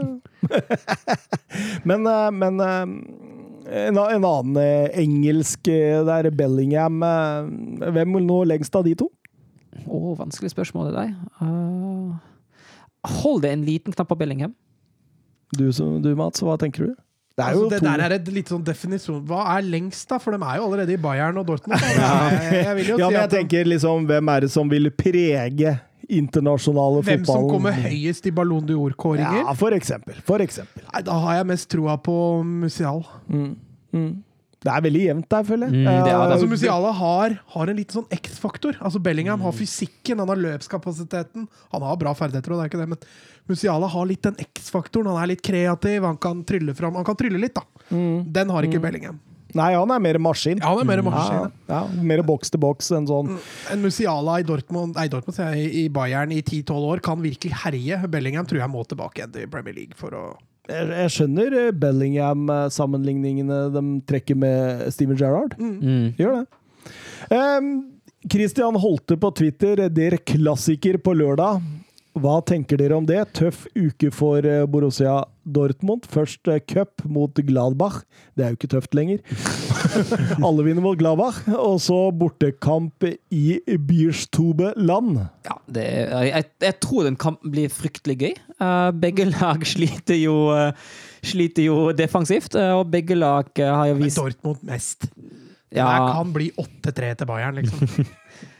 Men eh, jeg, jeg tror, altså, begge lag har jo utvilsomt kvaliteter offensivt, så jeg gleder meg. Jeg tror dette her blir en eh, fryktelig underholdende og gøy kamp. Jeg skal spise pannebåndet til Tix. Skal du Nei, òg? jeg skal ikke Jo, kom igjen, Nei, da! Kom igjen, jeg da. trakk meg. Jeg, jeg, jeg, Jeg. Jeg tar gjerne kontakt med ham for å høre om han har pannebånd. Kom igjen, nå, hva, hva er det du skal spise? Ja, det, det var pannebåndet til Tix, men hva, hvorfor hvorfor skal du jeg Kom skulle, igjen. jeg skulle si at hvis Dortmund tar poeng i den kampen, så skal jeg Men jeg, Ja, gjør det! Gjør det! Si det! Nei, nei. Åh, kom igjen, Mats! Nå har du sagt det. Dette er, sva- dette er svakt, Mats. Ja, det er er litt svakt. Jeg, jeg snakka Altså, før jeg tenkte der. Nå, nå sitter jeg og sier at jeg skal gå til Sandnes. Du trakk Ja. deg du på det, du òg. Nei, nei, jeg gjorde ikke det. Altså, hvis Wolfsburg vinner seriegull, går jeg til Sandnes. Greit, hvis Dortmund vinner med sju, så skal jeg spise pannebåndet til Dix. Wolfsburg, Hertha, Berlin Sa jeg Wolfsburg? Eh, eh, Jeg sa Dortmund. Du sa Dortmund, Ja, ja. Har vel, du har vel lyst til å snakke litt om den, Søren? Ja, jeg har ikke så mye å, å snakke om. Jeg syns uh, det er et godt tegn at man vinner en sånn kamp. De to, de to årene Wolfsburg gjorde det best, i eh, 8, 9 og 14-15-sesongen, var det en av sånne kamper man vant, men endte opp med å vinne og ikke avgi poeng på. Men det var ikke en fryktelig imponerende kamp av Wolfsburg. Det der, altså, Dette var et måte. lite steg tilbake. Ja, jeg er helt enig. eh, Men på mange eh, de måter. får jo resultatet, da. Uh, det er, altså, jeg syns ikke angrepsspillet var, var særlig bra. Nei, ikke Eh, forsvarsspillet. Nei, det, det, det, det er ikke det heller. Man merker faktisk at Og det trodde jeg ikke jeg skulle si, men merker at Brooks er ute. Det fikk vi på tape, Thomas. Ja, Hvilken dato er det i dag? men det er eh, 2. mars! 21.40! Pongracic eh, Wolfsburg mangler Brooks! Ja, men, Det er så sjukt! det er faktisk helt sykt. Uh, Og han Mbabu og han Nei, men akkur akkurat nå uh, er Pongracic ikke i nærheten. Han Ja, eh, for du sa at han var den nye Brooks. Ja, han, var litt, han har vært litt sånn nå i det siste. Han han mangler åpenbart uh, kampform. Eh, han, eh, de valgene han tar i, eh, i en Hvorfor spilte ikke Brooks? Var han Eh, suspendert? Så sprang de et femte, femte gule kort mot Bielefeld. Og Brooks har jo, har jo slutta å være som Brooksete. Så det, det, jo, Brooksete.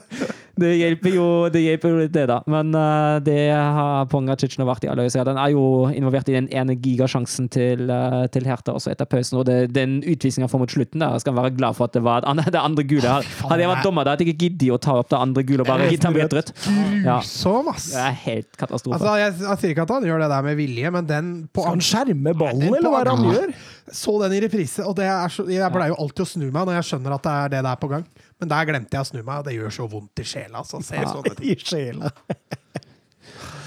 Ja, når det gjelder, når det gjelder det offensive Det er jo det meste som Wolfsburg skaper, kommer jo via høyresida. Det er jo den um, Babo-Bako-kombinasjonen. Det er jo også høyresida som står for 1-0. Ja, nydelige avslutninger. Kunne ikke spissen Spissen satt bedre, så klunta overraska Jarstein da. Ja, fin den. Og så er det jo en god del, eller noen sjanser til Hertha i andre omgang. Ja, det er en periode der de har ganske tur at den nullen fortsatt Ja, holder. og det, det, som, det som jeg syns er litt sånn kjedelig, er når du, når du leder 1-0 på hjemmebane, uh, og så er det så store rom, Uh, både sentralt uh, og på kant. Jeg syns ikke det er godt jobba i det hele tatt. Jeg blir også tatt på noen overganger da på, på 1-0. Jeg syns det er merkelig. Gode lag vinner på dårlige dager, vet du, Søren. Ja, og takke kort sendes til Kon Castelt, som uh, var soleklart banens beste spiller. De redningene han hadde der, altså. det for en levende vegg han var. Altså. Herregud. Fikk en litt hjelp på stanga der òg, men eh, Det lukter så Champions League nå. nå Ja, det gjør det. Så Mbabu var ute etter kampen også, sa at uh, jeg skal ikke lyge, liksom. Vi, det ligger i bakhodet på oss nå at uh, vi kan toppe denne sesongen med en Champions League-deltakelse neste år. Og så ser du jo Frankfurt tapte. Leverkosen uh, tapte. Mönchenglattberg tapte. Eneste laget bak, direkte bak som vant, var jo Borussia Dortmund. Det er jo ja, tre lag Berlin i spilte Tyskland. Hæ? Nei, Union Berlin spilte uavgjort. Men, uh, altså, med all respekt, jeg digger Union Berlin, men jeg ser ikke den som en konkurrent uh, om Champions League-plassene. De ligger foran Gladbach. Ja, de gjør det. men Gladbach. De, de må jo bare fyke råset nå. Jeg kan ikke skjønne noe annet, jeg. Hæ? Nå begynner det å Ja, det, var, det var ikke en god kamp de spilte mot Nei, Leipzig og i når det du hele tatt. viste det klippet med Dortmund, da fikk jeg latterkrampe. Det var hysterisk. Vi kan jo gå over til den kampen. Leipzig mot uh, Borussia München-Gladbach. Og det, det at Gladbach leder 2-0 der, er er jo mirakel. en mirakel. Ja, det er jo fryktelig effektive. Det skal man jo, skal de jo ha for all del, men eh, det er jo, altså det er jo Leipzig for alle penger der. Eh, Jeg syns Leipzig er, er det klart beste laget, og særlig i andre omgang skaper de også en god del sjanser.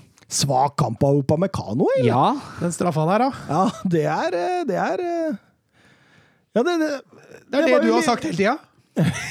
ja, men, men altså, jeg innrømmer at uh, Upamecano er en god stopper, jeg, som kan gå nå la, ganske langt, men han har sine begrensninger, og det viser han også i denne kampen her, altså. Han får spille, da. Han får spille, og han eh, jeg, jeg, Altså, jeg ville altså, bare brukt det. Jeg så Konate var på benken. Ja. Ja, hvorfor ikke bare bruke han, da? ja nei, si Er han det. skada? Han, er jo skada. Ja, han, han er han han har slitt en del, ja. Han har slitt en del. Må vel matche han forsiktig, nå som Upamecano skal dra. Så. Ja, absolutt, men, Men har han ikke brukt Klostermann en del som stopper? da? Jo, det er han også. Men han er gammel. Han. men er ikke denne straffa her, eh, som eh, de får her, er ikke den ganske lik den uh... Real Madrid, jo. Ja, Det var den jeg Mm, ja, den er det. det er, det. det er, og det, det er jo soleklart. Ja, det er soleklart. Er Helt klart straffe, det. Fryktelig stopperspill, som vi har sagt. Jonas eh, Hoffmann setter den. Jeg er eh, heldig. faktisk. Han kommer vel bort med begge hendene, Gulashi. Ikke, bare ikke sterk nok. Ikke langt unna at han faktisk holder den utenfor. Og så redder Ginter på strek, og så er eh, Borussia München-Gladbach lave. Leipzig kjører på, kjører på, og så kommer Lazaro rundt på kant, og, og Tyram header inn eh, 2-0. Totalt umarkert. Og mot spillets gang. Ja, mot eh, så det synger Ja. etter det, faktisk. For dette var jo en av de kampene som var størst enveiskjøring av alle vi fulgte med på. Ja, enig. Eh, og det, det var jo litt sånn Altså, ja ja. At eh, Borussia München-Gladbach legger seg bakpå og kontrer, det er jo ikke noe overraskelse. Nei, det er ikke det. I hvert fall ikke når de leder 2-0. Har en 2-0-ledelse i, eh, i ryggen også. Eh, Jeg syns jo, syns jo kanskje Leipzig innimellom, særlig første omgang, brukte litt lang tid på ballen. Jeg syns det var De gikk litt, litt, litt treigt, litt, for mange touches. Klarte ikke helt å alltid spille en ubalanse på det dyptliggende Glattbach-laget der. Men så kommer Alexander Sørloth inn til pause. Ja, i uvant rolle òg, som venstre kant. Ja.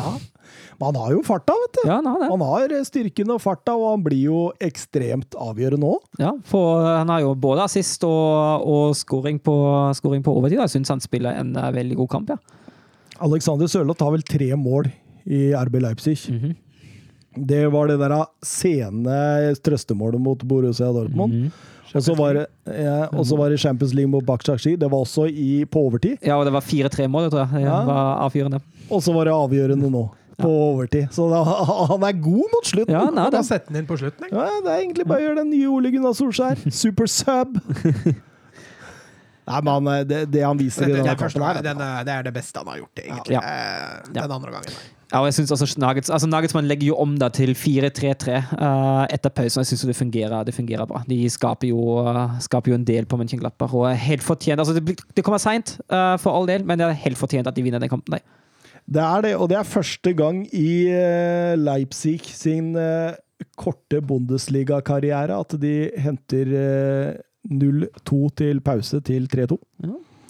Eh, Så det er godt gjort. Og Glenn Weber spør på Twitter eh, The King of North med assist og matchvinnerskåring begynner å se konturene av Nagelsmann genistrek ved å la Schick gå og hente Sørloth. Eller er det et blaff? Nei, altså Jeg syns jo Sørloth uh, ser bedre og bedre ut, og han sa vel etter kampen òg at uh, han måtte bli veldig vant til taktikken. og Det er jo det vi har snakka om før, også, at han måtte venne seg til hvordan Nagelsmann egentlig ønsker å spille og passe inn i laget. og at vi har vel sagt i flere uker nå at det begynner å se, å se bedre ut, eh, og at han passer bedre og bedre inn. At han deltar mer og mer i, i spillet til, til Leipzig. Når det gjelder genistrek altså Leipzig ville jo egentlig beholde Skikk, det var jo bare at den var for dyr, Ja. Tror jeg. Ja, det var Hvis jeg- ikke hvis jeg- genistrek. hvis jeg mener å huske, ville de i utgangspunktet vel kjøpe Schick, men ikke få enhver pris. Og, altså, det, kan jo godt, det kan jo fint kalles genistrek at man lar Schick gå til Leverkosen for 25 og hente heller Sørloth for 20. Det er jo for all del. Det er jo, Da er jeg enig med Hvor mange mål har Schick i år, vet du? Eh, Ikke fire eller noe sånt. Ikke sånn supermange.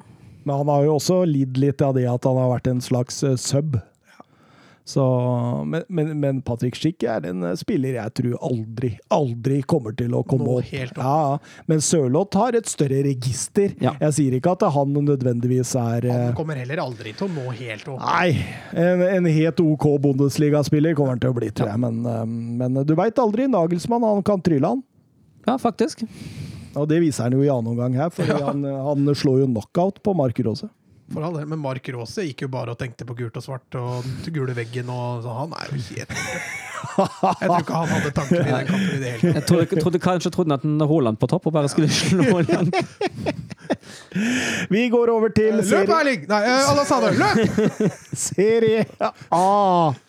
Hellas Verona Juventus, hvor Juventus tapte dyrebart terreng. Ja, og det, altså, det ser jo ikke helt bra ut, det Juventus presterer på banen der heller. Altså. Jeg blir ikke imponert over det Juventus-laget om dagen. Ikke i det hele tatt. De er, de er best. Er vi enige om det, eller? I Ja. kampen sett under ett, Ja. men det, du har eh, deler av kampen altså, hvor Hellas Verona Hellas virkelig Verona er i, lar seg ikke pille på Nei, nei. nesa. Ivan Juric der med sitt mini-Atalanta. Det er litt artig å se på til Ja, tider er når det glir. Eh, Men det tar litt tid før det begynner å gli for Hellas Verona. Mm. Det, det, det gjør det, altså. Det, altså jeg syns jo det blir litt sånn oppstykka. Det blir så mye frispark og så mye Det, det drar ned tempoet noe voldsomt hele tiden. Altså Cristiano Ronaldo, hva hadde det laget vært uten han? Middel, middelhavsfære. Ja, altså Det måtte jo vært mye lenger ned på tabellen, for Ronaldo skårer jo sitt 47. Serie A-mål på 47 Serie A-kamper. Holder snitt på ett mål per kamp. Det er jo voldsomt. Maskin. Det er en maskin, ingen tvil om det. Ehm, Men eh, Ivan Juric, han gir seg ikke. Han er jo Gasperini-skolen og, og, og kjører på og gjør jo et genialt bytte når han får inn på Norgedødaren. Husker dere han? Lazovic? Ja. Han kommer jo inn og, og eh, blir jo toneangivende der. Har vel assisten til 1-1 på Barak der, og har også en gigantsjanse for å sette en uh, trepoengeren. Men uh, nei, det blir ikke noe eh, bra ut av Altså, Pirlo det, det er et eller annet der som skurrer, altså. Altså, Navnet er mye mer sexy enn det de viser på banen. Det er det jo ingen tvil om. Eh, han sliter litt med å finne konstellasjonene. I dag, eh, i dag sier. Han prøver jo også en litt ny formasjon igjen, med tre bak. Han har jo veksla litt. Uh, Chiesa som wingback syns jeg ikke fungerer. Han må enten spille i en firer på midten eller i en treer framme. Så han, han famler litt grann fortsatt, uh, Pirlo. Som du sier, tar du Ronaldo ut av det laget der, så tar du altså bort 47 mål på 47 kamper. Og da, det er mange poeng tapt. Altså. Ja. Jeg sier jo ikke det at det hadde sikkert kommet inn en ny der som hadde skåra et par, men uh, Ja, ja, men ikke i nærheten. ikke sant? nei, det nettopp det. Så det er, det, er, det er litt bekymringsverdig for Juventus, det, altså. Jeg veit ikke, Champions League, det ble et tap der òg? Tapte mot Porto, ja. Ja. De har hjemmekamp eh, 2-1, er det det? Ja. Ja. Så de har gode muligheter til avansement. Men det er klart, dette blir mye mer spennende enn det vi også spådde. Mm, absolutt. Vi går over til Inters nedsabling av Genoa. Eh, Lukakos nedsabling av ja, Genoa. Vi kan si det, vi kan si det, for nå er Lukaku et monster av en spiss. Han er jo involvert i alt. Alt av angrep går jo gjennom Lukaku. Det er jo Lukaku for alle penger. Det er jo Lukaku som oppspillspunkt, Lukaku som tilrettelegger, Lukaku som overgangsspiller, Lukaku som målskårer. Han har skjedd. Fy faen. Det har vært spennende å se han i Premier League i den formen han er nå. Skulle spennende å se hvordan han hadde hevda Han hadde jo denne formen delvis i et dårligere lag, da, Everton en periode der, og så ble han most i Manchester United. Eh, kommet tilbake nå i storslag, og, og Jonathan Hobber han spør Lukaku er jo helt umenneskelig god for tiden. Er Inter et blivende sted på sikt, eller bør han komme seg tilbake til Balløya? Hvilken klubb i Premier League tror du ville passet han best? Akkurat nå Tottenham, faktisk. Nei, tror jeg. Som kontring. Han er jo best når han får Jo, jo, jo, men å vende. Altså, et City tror jeg ikke han hadde nødvendigvis passa så bra i. Chelsea, tenker jeg. Det var det første som Ja, slo men meg. Chelsea også er veldig possession-orientert, da. Ja, men samtidig veldig glad i sånn stikkere inn bak og Ja, de er jo for så vidt sånn tanksenter framme der. I Chelsea. Pluss at der får du ikke så mye konkurranse, da. Manchester United da, mangler en nier, dem. Cavani du, han spiller ikke 38 kamper i løpet av en sesong. Tror du de tar sjansen på å hente han Nei, igjen? nei, nei, det hadde jo Han vært et stort streika seg vel nesten bort fra United. Jeg tror ikke den matchen der hadde skjedd. Arsenal, Tenk, eh, Når du sitter og ser Lukaku nå bare herje fullstendig, så tenker du at det, det satt en sjel eh, et eller annet sted, kontor på Old Trafford der, og fant ut det at du, vi beholder Martial. Så selger vi Lukaku. Ja, men uh, det finnes jo andre klubber som har, som har beholdt Braithwaite og, og Så. Ja, det fins klubber som har kjøpt Braithwaite nå!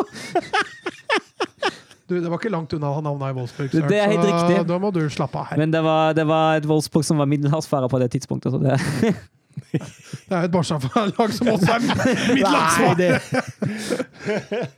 At det Barcelona Da skal mye gå gærent. Altså, tenk på alt det som har gått gærent i Barcelona, og så er de fortsatt oppi der. Da, ting skal gå skikkelig på trynet om Barcelona skal begynne å dra seg nedover under Champions League-plass. Altså. Hei, det blir veldig spennende den sesongen hvor Messi er ferdig. Ja. Det skal bli fryktelig spennende å se hva han betyr, sånn som laget i hvert fall ser ut nå. da. Men eh, Inter Genoa, det var jo eh, fullstendig kontefotball der. Den bare lå tilbake der og kontra Genoa i senk utover i annen omgang. Darmian, da? Ja, ja, han skårte han etter uh... Ja, men han hadde jo en bra kamp. Ja, han strålende. Altså, det lønner seg å dra en tur innom United, for da får du nok ballast til å klare deg andre steder. alle som kommer fra Premier League til La Liga, blir jo gode. Serie A. Serie A, mener jeg. Hazard, for eksempel. Liga. Serie A, jeg mener Serie A. Eh, selv Ashley Young var jo brukende i, i Serie A. For ikke snakke om Chris Malling. Ja. Christian Eriksen. Og Alexis Sanchez som skåret 3-0 her. Eriksen òg, en bra match. Ja, men han var strålende. Han var strålende. Han, eh, men han begynner å komme seg nå, i den treeren der. Hvorav Brosevic, Barella og Eriksen og Barella Jeg syns han begynner Ja, også å bli ja. strålende, altså. Det, ja, den er synd. Det må skudd, langskuddet hans ikke går inn, altså. Eh, Når han Danovic er ferdig etter hvert nå, så er det Barella som kommer til å bli kaptein på det laget der. Det er jeg helt sikker på. Men strålende Inter, dere cruiser videre til seriegull, det er jeg ganske sikker på. Så tar vi den kampen kanskje jeg lot meg underholde mest av denne, denne runden. Det var Roma mot Milan. Det var et sjansebonanza uten sidestykke. Altså, altså Zlatan kunne skåret hat trick før det var gått fem minutter! Men det hælsparka når han kommer forbi der, det er det bare Zlatan som kan finne på å gjøre. Men der bommer han. Han pleier jo å skåre på de der, vet du. Ja. Han har et offside-mål etter ni minutter. Hvor det er litt svakt, han, altså, fordi der er en sånn verdens snilleste mann rett eh, tvers over, og alt du trenger å gjøre, er passe offside-linja. Men Så han, han kunne liksom hatt fire mål da, før det var gått ti minutter. Og, og, og Roma de had, var jo ikke våkne i det hele tatt. Det tar først 20 minutter før Roma våkner og begynner å, å treffe på pasningene sine der. Og da har ikke Milan klart å gjøre det der, der til en fordel. Det, det, er, det er noe av det sjukeste jeg noen gang har sett, faktisk. Altså, det var sjanse på sjanse. Det, det, kampen var en sånn Det var to lag i fullstendig strekk. Det var to lag som bare lå og kjørte overganger og, og angrep på hverandre. Og det var to forsvar som knapt nok visste hvor de var, altså. Det var jo som sier da, Milan eide jo første kvarter 20 minutter. Ja, ja, det, det var fullstendig. Det var ikke rart i Milan-forsvaret. De hadde jo aldri ball, så de blei jo svimle når ballen først kom. Men at det da er et straffespark Så blir altså det eneste på en måte som Og det er noe VAR må ta, sier til dommeren Gå på se på skjerm, der ser han jo selvfølgelig Afazio, han jo Calabria på, på hjørnet av 16-meteren der. Og det blir selvfølgelig straffe som uh, Kessie eh, setter. eh, og da sitter man i pausa og tenker man det at Så jeg en 7-7-kamp nå? Som det bare er 1-0 i. Ja. Ja, det var så sjukt å se på, liksom. Eh, og, og annenomgangen, det bremser ikke! Nei, det bare fortsetter! Men det er jo en gjeng med spisser og sånn som bommer i øst og vest der, da! Majoral og Men uh, Ferretot gjør 1-1 um, etter 49 minutter der. Et eh, nydelig treff på ballen der. Fyker i lengste for Donnarumma, og dermed er Ferretot den andre franskmannen gjennom tidene som har ti plussmål i Serie A-sesong. Veit dere hvem som er den første franskmannen som har fått ti pluss? Ja, det er riktig. Det er Platini i 82-83-sesongen, 83-84-sesongen, 84-85-sesongen, 85-86-sesongen. Jeg tenkte kanskje dere dro på en Pogba eller Zidane der, og... men eh, der var, det- der var du med, Mats. Det skal du ha. Ante Rebic eh, setter 1-2 rett etterpå. Eh, Kommer raskt tilbake. Det er Milan, og det tror jeg også var Viktig. var viktig for dem, ja. Fordi eh, det så ut som det, Roma var begynt å kjøre dem fullstendig der en periode. Men eh, jeg syns jo Milan har vinnerfortjent, da. Det syns jeg Jeg, jeg veit ikke hva jeg syns, jeg, altså. Ja, jeg syns. Jeg syns Milan var Hvis du ser, hvis du ser, alle, hvis du ser alle sjanser sett under ett, Ja, men hvis du tar bort de 20 første minuttene, ja, da så er det noe. Da, da er det noe annet in. Men Men de eh, 20 første minuttene så burde, så burde jo Milan leda 9-0. Tottenham kunne, burde egentlig ha vunnet den Champions League-finalen. Hvis du bare tar bort de to første minuttene av den Ja, kampen, den så hadde hen, du, du, Tottenham, du ja, ja, tenker på hensen til Sesoko, ja? Tottenham vunnet den Champions League-finalen, skjønner du. ja? Men det er ikke sikkert, skjønner du, fordi den hensen til Sissoko gjorde jo at Liverpool la seg egentlig ganske lavt, og Tottenham fikk egentlig styre matchen. Jo, jo, men hvis du, jeg sier hvis du tar bort de, så hadde jo Tottenham hatt 0-0 mye lenger. Ja, ja. Nei, nei, Det er derfor jeg sier det er vanskelig å ta bort 20 minutter av fotballkamp. Jo da, men, men øh, Forstå meg rett, da, mann. Jeg skjønner hva. Mm, fordi det var rett og slett Og når El Sharawi kommer inn der i de siste 20 minuttene, så sitter man jo nesten bare og sikler og syns det er så utrolig gøy å se på, rett og slett. El Sharawi, liksom. Jeg syns han så ut som han var like bra som når han dro, jeg. Det var, Det var jo en artig spiller òg. Ja. Fryktelig artig. Litt sånn sexy, det òg. Ja, jeg, jeg digger El Sharawi. Jeg har gjort siden han, eh, den målfeiringa hans, vet du, hvor han stikker fingeren Stemmer det. Type. Ja, det er type. Um, vi fikk vel et eh, spørsmål på Twitter her òg. Nå fikk jo jeg en haug av SMS og alt mulig rart, så det kan ta litt tid. Så dere kan snakke litt El Sharawi, dere to. vet. Ja, det er så dårlig gjort når du tar oss på senga sånn. Nei, men Ja. Det er masse å snakke om El Sharawi om.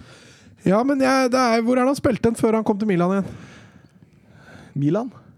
Nei, Milan. Roma, mener jeg. Ja, Det var nede i Kina et eller annet sted. Han skulle ha litt penger, vet du. Men øh, Nei, jeg har ikke noe mer å legge til om Sharawi. ass. Nei, ikke jeg heller. Men i alle dager, gutter, har ikke noe å legge til med El Sharawi. Der! Der fant jeg en Twitter. Hvilke spillere som nylig har runda 30, tror dere kan holde på Du dro fram den etter Zlatan, ja. i omtrent ti år til, sånn som Zlatan? Velg gjerne et par spillere i hvert ledd, skriver Geir Halvor Kleiva. Eller Stig, som jeg liker å kalle den. eh, skal vi Vi kikka jo litt på dette før vi gikk inn i, i eh, på sending, Søren. Ja, det er vel et uh, lite samarbeidsprosjekt her. Vi måtte, jo, vi måtte jo gå gjennom litt da, og se ok, hvem er det som har fysikken. Hvem er det som, altså Du, du har noen kriterier. Det er jo fysikken, ikke være så skadeplaga. Uh, og ikke minst så er det en ekstra liten godbit bak det, og det er de spillere som ikke slo gjennom skikkelig på toppnivå før en blei sånn 25-26 år. Du ser på f.eks. Wayne Rooney. Han slo igjennom ekstremt tidlig. Han blei ferdig tidlig. ikke sant? Han var jo 30 når han blei ferdig. Jo, så tenker jeg Det må jo være en faktor inn i bildet at du faktisk spiller på toppnivå når du er 40.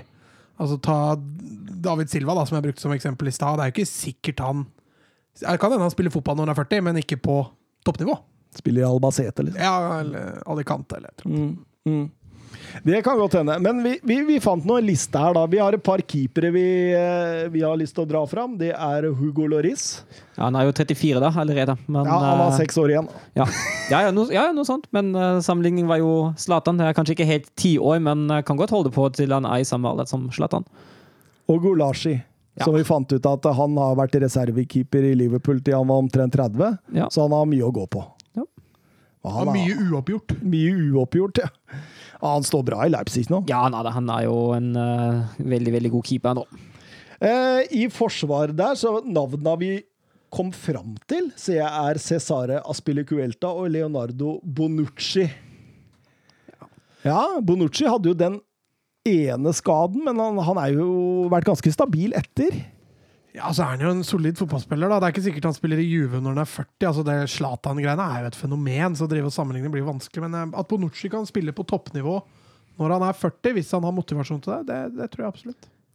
Jeg ser for meg Cesara spille Cuelta i Marseille eller et eller annet sånt til han er godt, godt voksen. Ja, Ja. Han kan finne på å dra til Spania òg. Avslutte Ja, karrieren der. eh, Ta en Nacho Er det ikke basker, da? Na, jo, Nacho. Monreal-tipp. Ja, det er så å si det. Han, de samler jo litt på sånne spillere. ja. eh, sentralt på midten der, eller på midten, da, så fant vi noen spillere. Sergio Canales, Ander Herrera. Litt sånn lettrente spillere. Ja. Canales har slitt litt med skader, da, så sånn sett så kan nok hende han er litt sulten på å spille lenge. Men eh, han opplever vel kanskje sin beste sesong på veldig lenge nå, denne sesongen. Så, så det lover jo bra for at han eventuelt kan holde på en stund til. Thomas Müller var et navn vi dro opp. Ja, og det tror jeg jo absolutt. Han er jo en, uh, altså han, er, han er en sånn fotballsmart type. Uh, egentlig, Han er ikke sånn veldig avhengig av fysikken sin. så Jeg kan godt se for meg at Thomas Müller spiller en stund til, men så tror jeg Thomas Müller er en type som legger opp i Bayern, og Bayern kommer på, til å si på et eller annet tidspunkt nei, nå er det nok. Det er nettopp det. Når du spiller i Bayern, så, så er, det ligger et visst forventningspress på deg. Og så blir du en eller annen sportsdirektør eller en trener et eller annet sted. for, for Hvis du har spilt hele karrieren i Bayern, får du fort en sånn stilling. Et par andre navn som er litt eldre, men som vi dro opp, som kan godt spille til de er 40, så er det Luka Modric og Ronaldo. Uh, Thiago Silva, altså. Thiago Silva også. Ja, stemmer, stemmer. Ja, men dette er også spillere med, med solid fysikk. Altså Modric lett på beina. I år ser det ut som han er 25. Jeg syns den sesongen han har hatt i år, er jo helt rå. Eh, Ronaldo, den, eh, den restitusjonstreninga Ronaldo driver med nå, han er jo ute av en annen verden. Jeg tror han er i en egen klasse hva det gjelder egentrening, restitusjonstrening. Jeg har jo lest de historiene at Ronaldo står opp midt på natta for å ta isbad for å få, få muskler på, på stell, så at eh, han har disiplin til å holde på til han er 40, utvilsomt. Deilig, deilig. Der har vi en del spillere til Geir Halvor Kleiva som kan finne på å holde Stig. ja. Stig. Hei, Stig. Eh, ja. Vi eh, har en liten premiere i dag. Vi skal over i league Ø. Gøy. Ja, Vi tenkte at vi sliter jo med å fylle tida. vi, vi bare kjører på med mer. Vi kjører på med en liga til. Så da har vi valgt oss ut fem lag i Ligue Ø. Ja. Lille, Marseille, Lyon, PSG og Dijon. Ikke, Mona ikke Monaco. Nei, vi driter i det.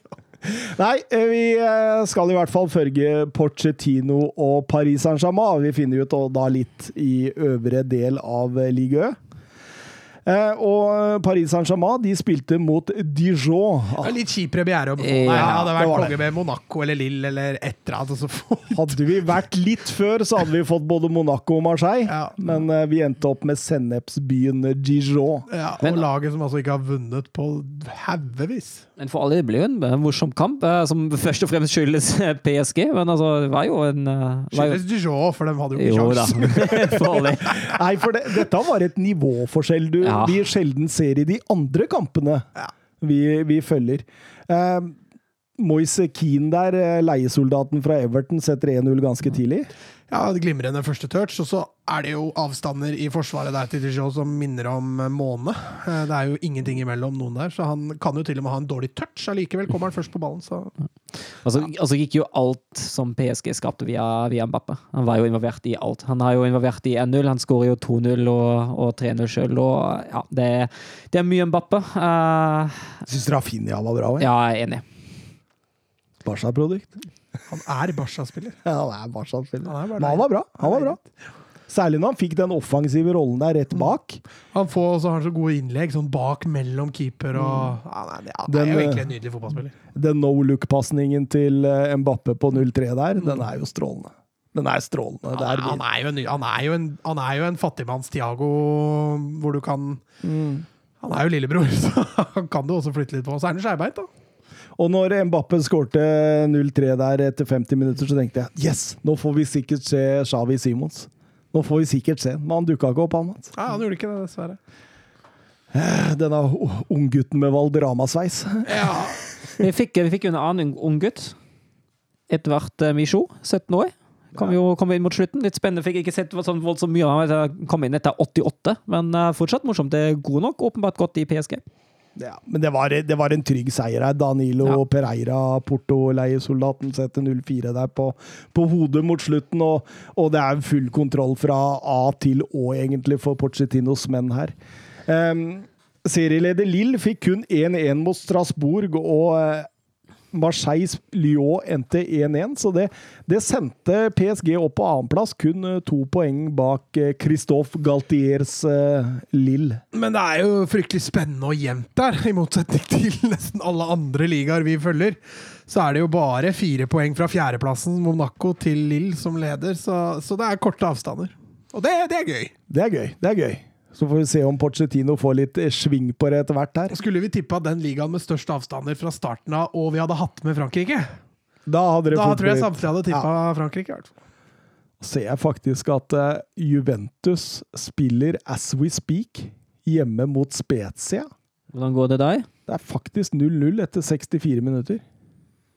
Ja. Oi, oi, oi. Høres riktig ut. Så det, det slites her nå. Oi, nå er det VAR skal inn og avgjøre om det blir et mål eller ikke, så da, det blir spennende å se. Um, vi må, det, grunnen til at jeg Til, nevnte til det Spezia eller til Juventus? til Juventus Okay. Uh, Grunnen til jeg nevnte det, var at jeg skulle inn på Twitter, så endte jeg opp på Fotmob. Ja. Ja, det, det, det hender noen ganger, det. For eh, på Twitter der har vi noen spørsmål vi må gå igjennom, og det var vel vår kjære lytterlegende Jørgen B. Ready Nystuen som spurte Siden dere starter opp med PSG og Ligue Ø, de fem hotteste salgsobjektene i Ligue Ø som ikke spiller i Paris Saint-Germain Da kan man jo komme med mange spennende spillere. Eh, Den første jeg kommer på, er jo kanskje Eduardo Camavinga. Ja, for, altså, men, men, men han er gone kanskje allerede neste år, eller første, første vinduet Real Madrid finner ut at nå skal vi splashe cash, tenker jeg. for all del. Men det er jo en veldig hot saksobjekt. Så ja, det er, Du har jo de tre Jonathanene i Lill. Eh, bør jo være ganske heite, i tillegg til han stopperen. Eh, og så har du et par i Lyon, da. Hasse Mouar, vil jeg tippe. Hawar er, med på lista der, og så Babukar Kamara på Marseille, den defensive sluggeren der. eh, 99-modell, tror jeg. eh, kontrakt bare ut neste sesong, så det kommer til å bli mange beilere der. Leo Dubois i Lyon bør Ja. være, være hett. Sven, Sven Boltmann. Ja, det var han stopperen jeg snakka Ja. om. Eh, Benoit Badiachil Ja, i eh. Monaco. Monaco. ja. 19-åring som bare eier eh, sin egen boks for tida, altså. Eh, Jeremy Doku. Doko. Åh, ukas talent. Er ikke han på talent. lista der. Jo, jo, jo. Jeg hadde den jo fra Anderlecht-tida. Og Jonathan David var vel også på den lista. Ja da, ja da. ja da. Så det, det, det er mange. Chouameni der så på Monaco, defensive midtbanespilleren. Strålende. Auchiche i Saint-Étienne. Kan komme til å gå. Og så har vi en venstrekant eh, som gikk fra Lyon til Nis eh, foran denne sesongen. En 21 år gammel eh, fransk-algerianer med navn Amine Gouri. Han har skåret noe voldsomt med mål fra venstrekanten der. Er han ikke spiss, hva? Ja, Tror han har spilt en del spiss. Utgangspunktet hans er stort sett venstrekanten, men at han eh, har hatt noen kamper eh, som spiss, det, det, det kan du ha rett i.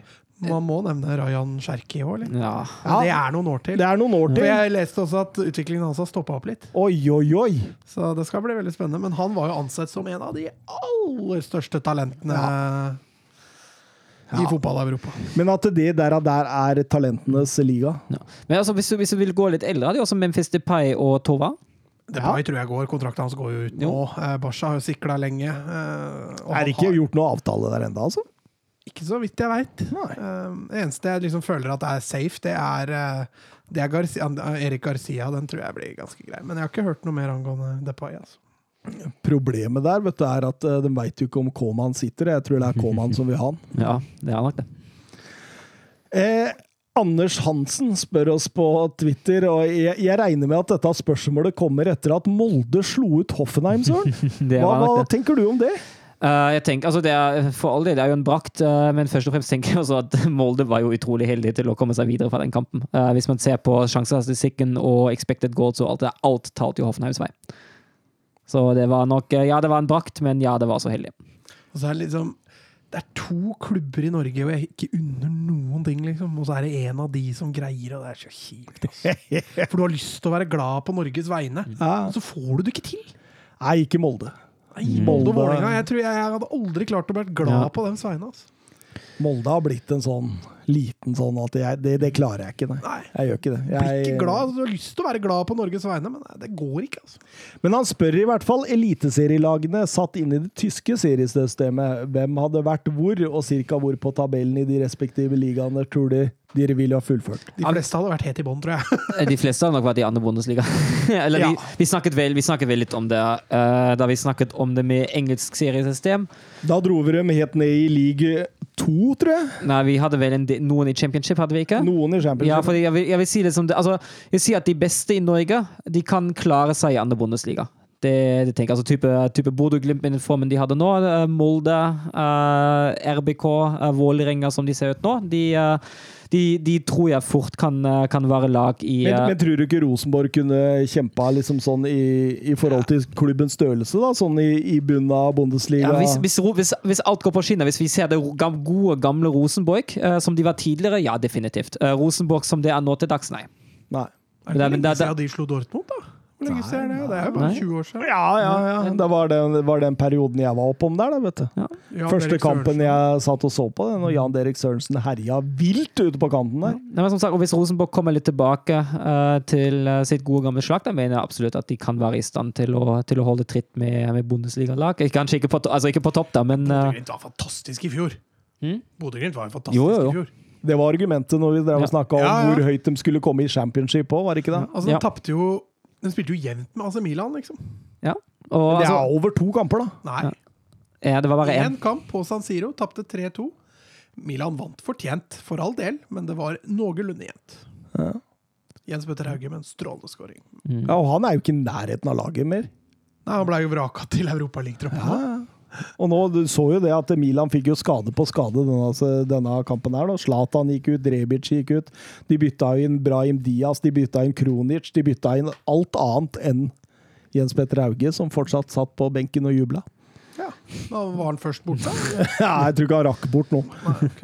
Det er et dårlig utgangspunkt når du sitter sånn. Startposisjonen blir for dårlig, rett og slett. Ja. Nei, men altså, som sagt, jeg tror de fleste av andre bondestiger tredje liga litt sånn det nivået der, Ja. for å si det sånn. Eh, Lillestrømma. Det er, det er i hvert fall tredje liga. Har vi fått Helland, jo. Jo, det, det er jo bra, for all del. Men eh, altså, jeg, altså hvis, hvis du rykker opp Lillestrøm hadde slått St. Pauli. St. Pauli, tror du det? Ikke, ikke i den form som de er nå. Lillestrøm eller sant? Ja, har du ikke sett. Tori Reginius-tabellen? da? Ja, Den er faktisk ganske syk. Ja, da, Har det da, da topper. Ja. Pauli- Pauli. Og Reginiussen starter hver kamp, eller? Ja. Tror han har gått rett inn i. Han det, jeg husker ikke. Nei, jeg skal ikke være helt Jeg, Jeg trodde du visste hva Christoph Daum spiste Ja, til ja, middag. ja. tror det Det, var det eh, jeg så på Twitter, Søren.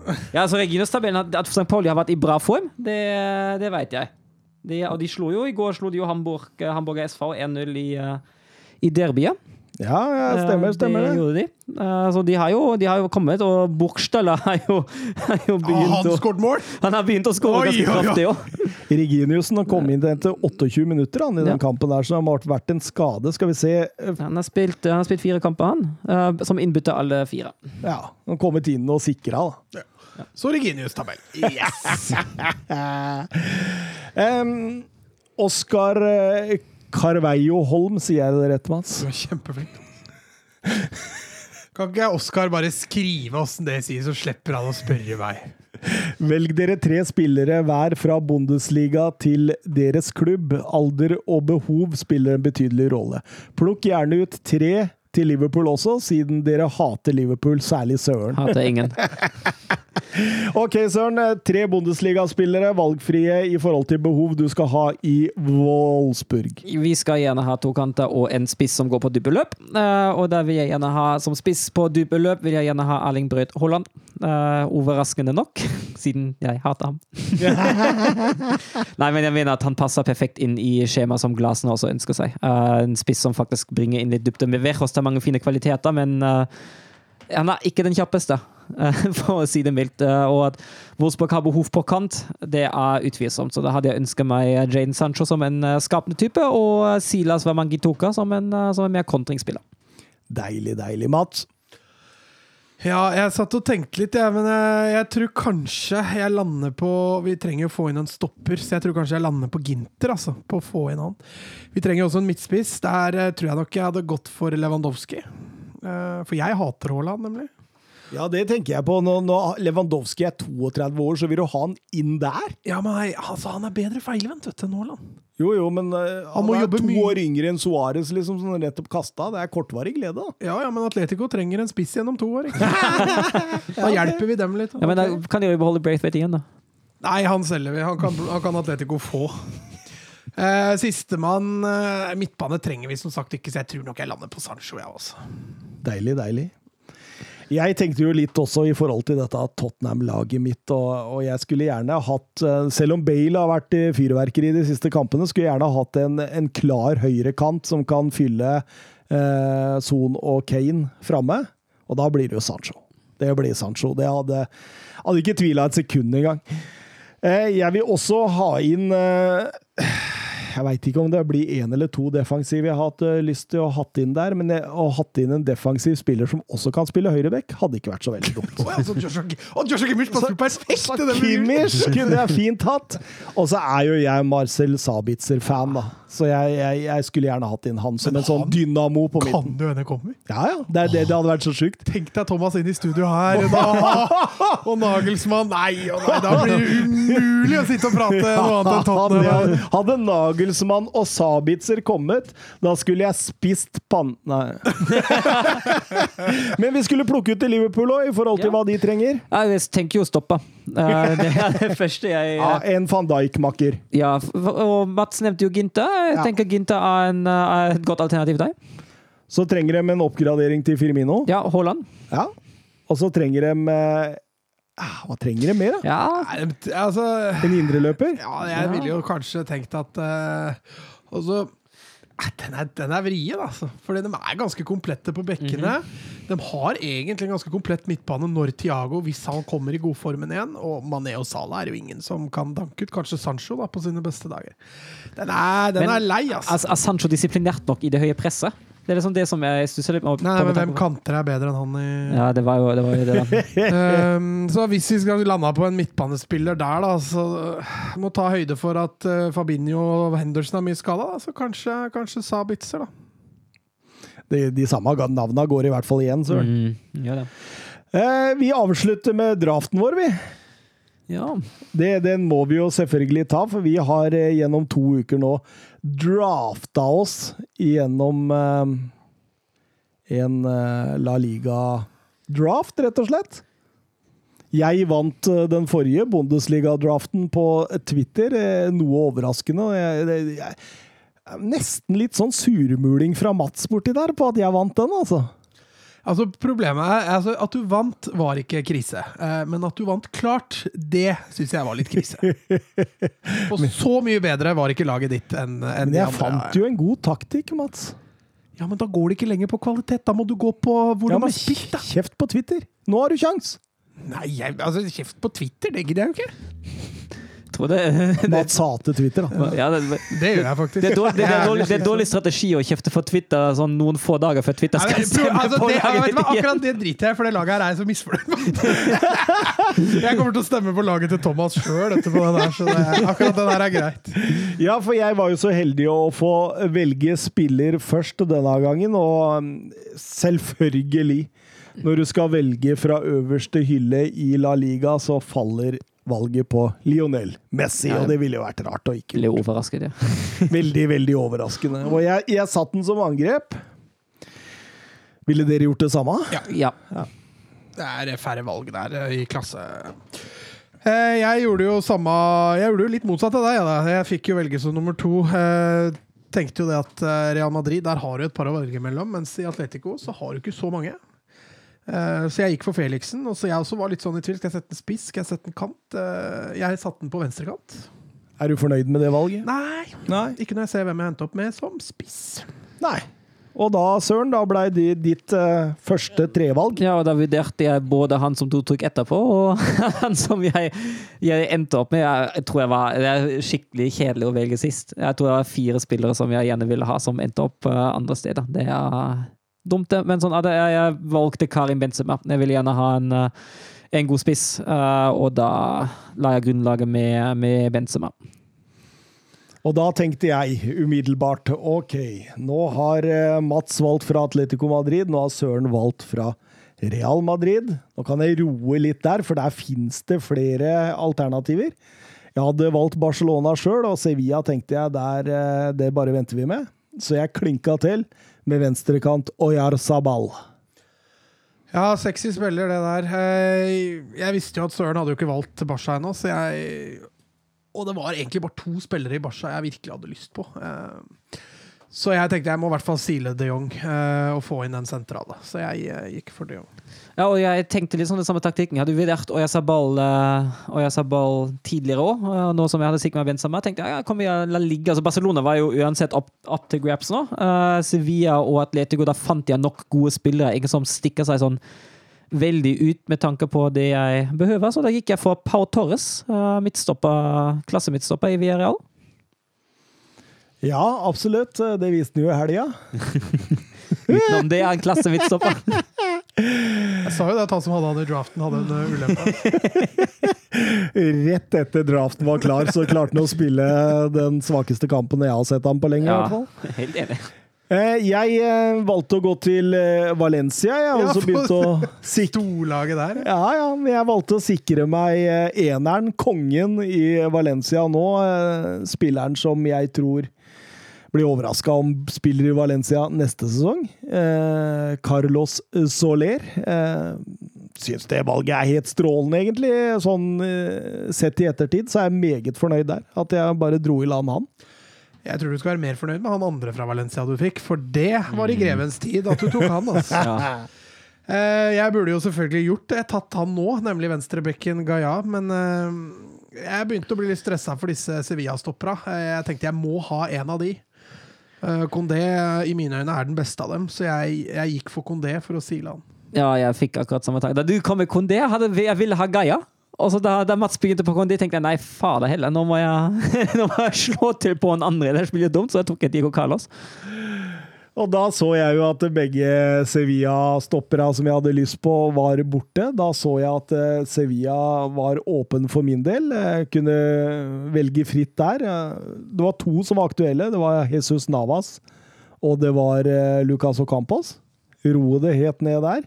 Kunne sette Lucas Ocampos ut høyre, som da hadde gjort at jeg hadde fått flere også åpenbare valg, egentlig, i Atletico Madrid. For den jeg absolutt mest ville hatt der, var Lorente.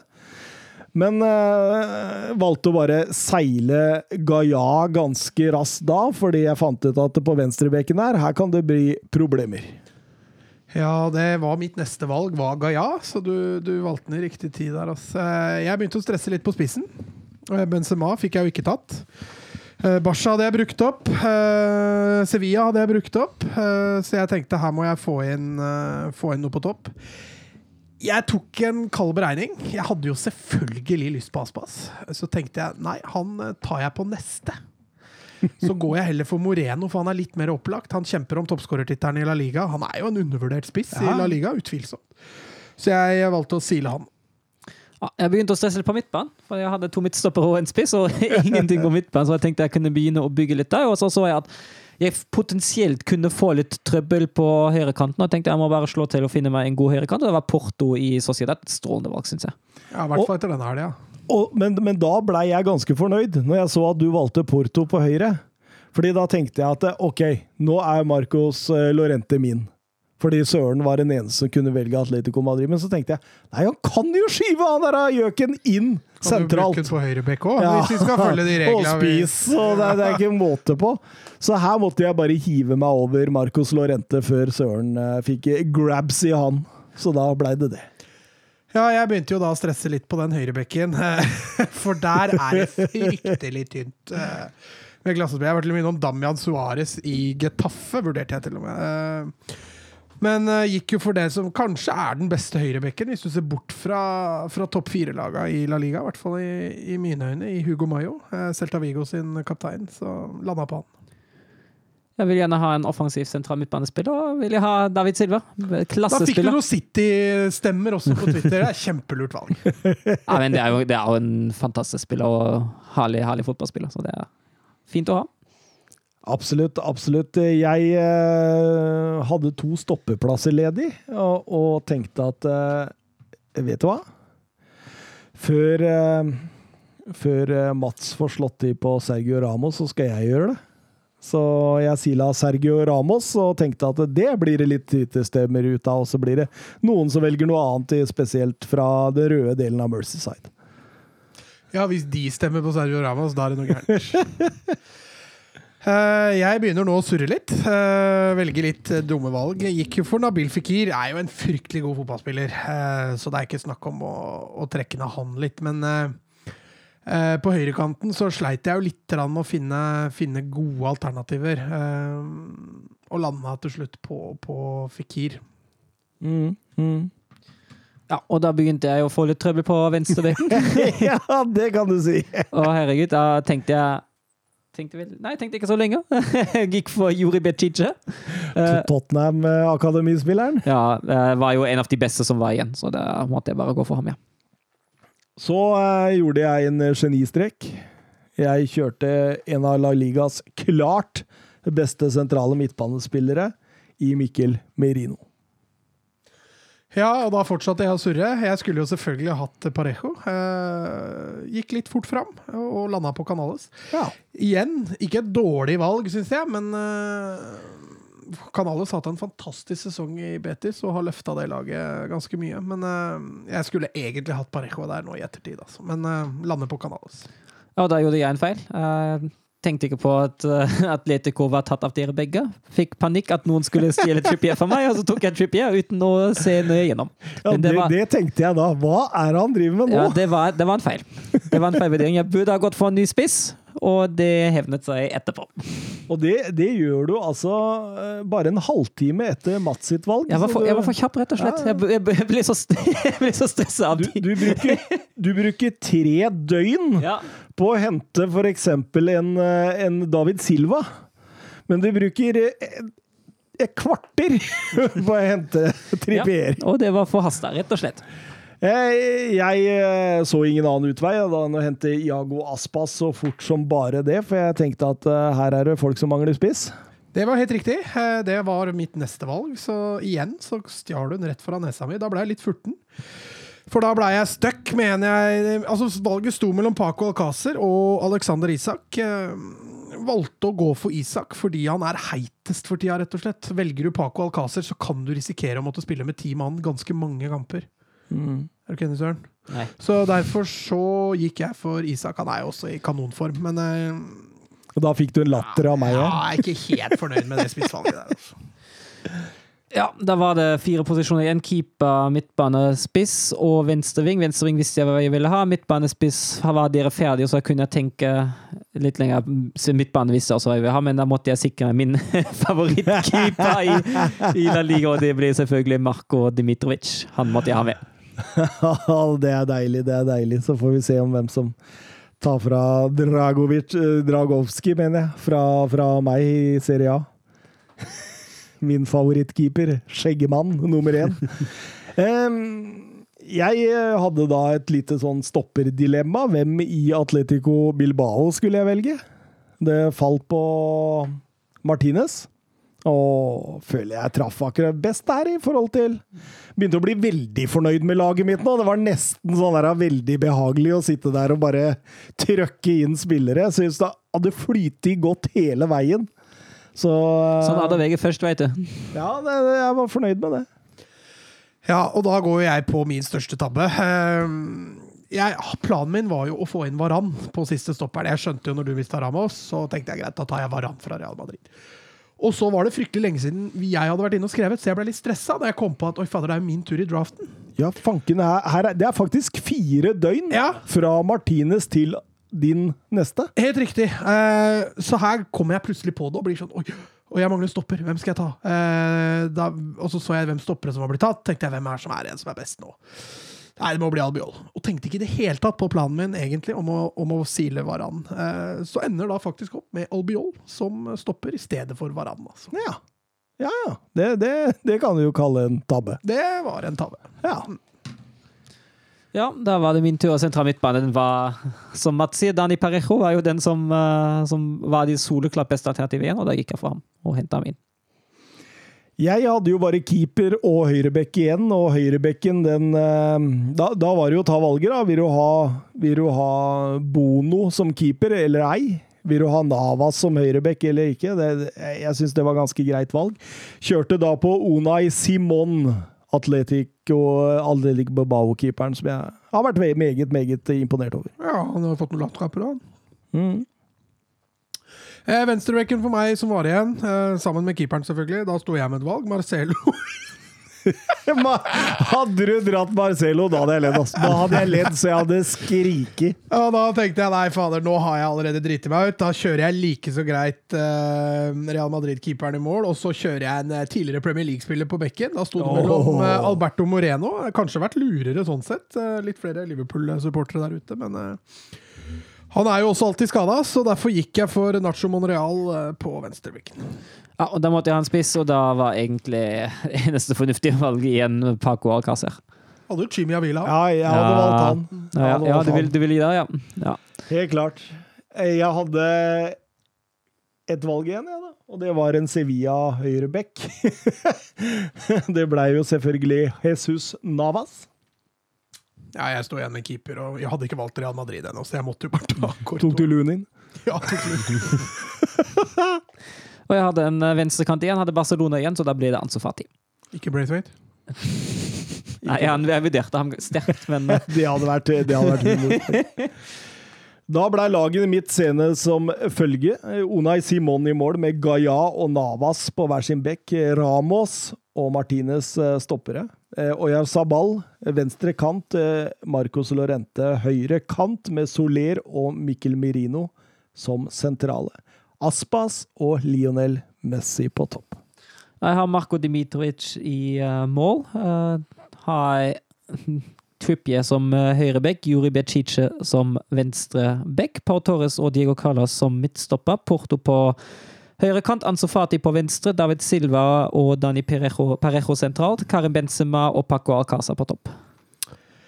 Ja, da fikk jo jeg Courtois da, i mål. Eh, Mayo og eh, Monreal på bekkene. Condé og Albiol på, stopp, på stopperne. Jeg fikk eh, Felixen på venstre kant, Fikir på høyre. Eh, Canales og Frenkie de Jong sentralt. Er sexy midtbane. Ja, midtbane er, er jeg faktisk litt fornøyd med, men eh, alt annet der er ikke mye sexy. Altså. Og så har du Isak og Gerard Moreno på, på topp. Ja, og hvis jeg ikke vinner den draften, da kan Twitter legge ned. Jeg stemmer på deg kjære. Det var en stor fordel å starte først her, følte jeg. Det var det. Og, og når i tillegg glir i forhold til valga, så, så sitter du igjen til slutt og bare koser deg. Så blir det spennende nå med Serie A. Vi begynner vel allerede i kveld. Stein, saks, papir og hvem som begynner, så blir det spennende. Om et- i episode 101 så kommer vi sikkert til å Eller hvis Søren styrer tempo på det, i episode 123 Nei, det var ikke jeg som var treig mot slutten, nei. Nei, Mats hadde en firedøgns der hvor du tenkte grusomt å havne på på Albiol. jeg var på hytta, vet du. Det var det som var, og da går ikke tankene så veldig dit. Nei, men da gjenstår det å, å takke farvel for det siste minuttet i um, eraen tosifers-episoder. Ja, du har glemt Har du visdomsord? Ja, det kommer det, Oi. Men uh, vi, vi, vi kan jo si ha det først. Ja, vi må si ha det. Ha det. Ja, ja, snakkes, da. Ja. Under barken finner villmenn biller, de også. Ha det.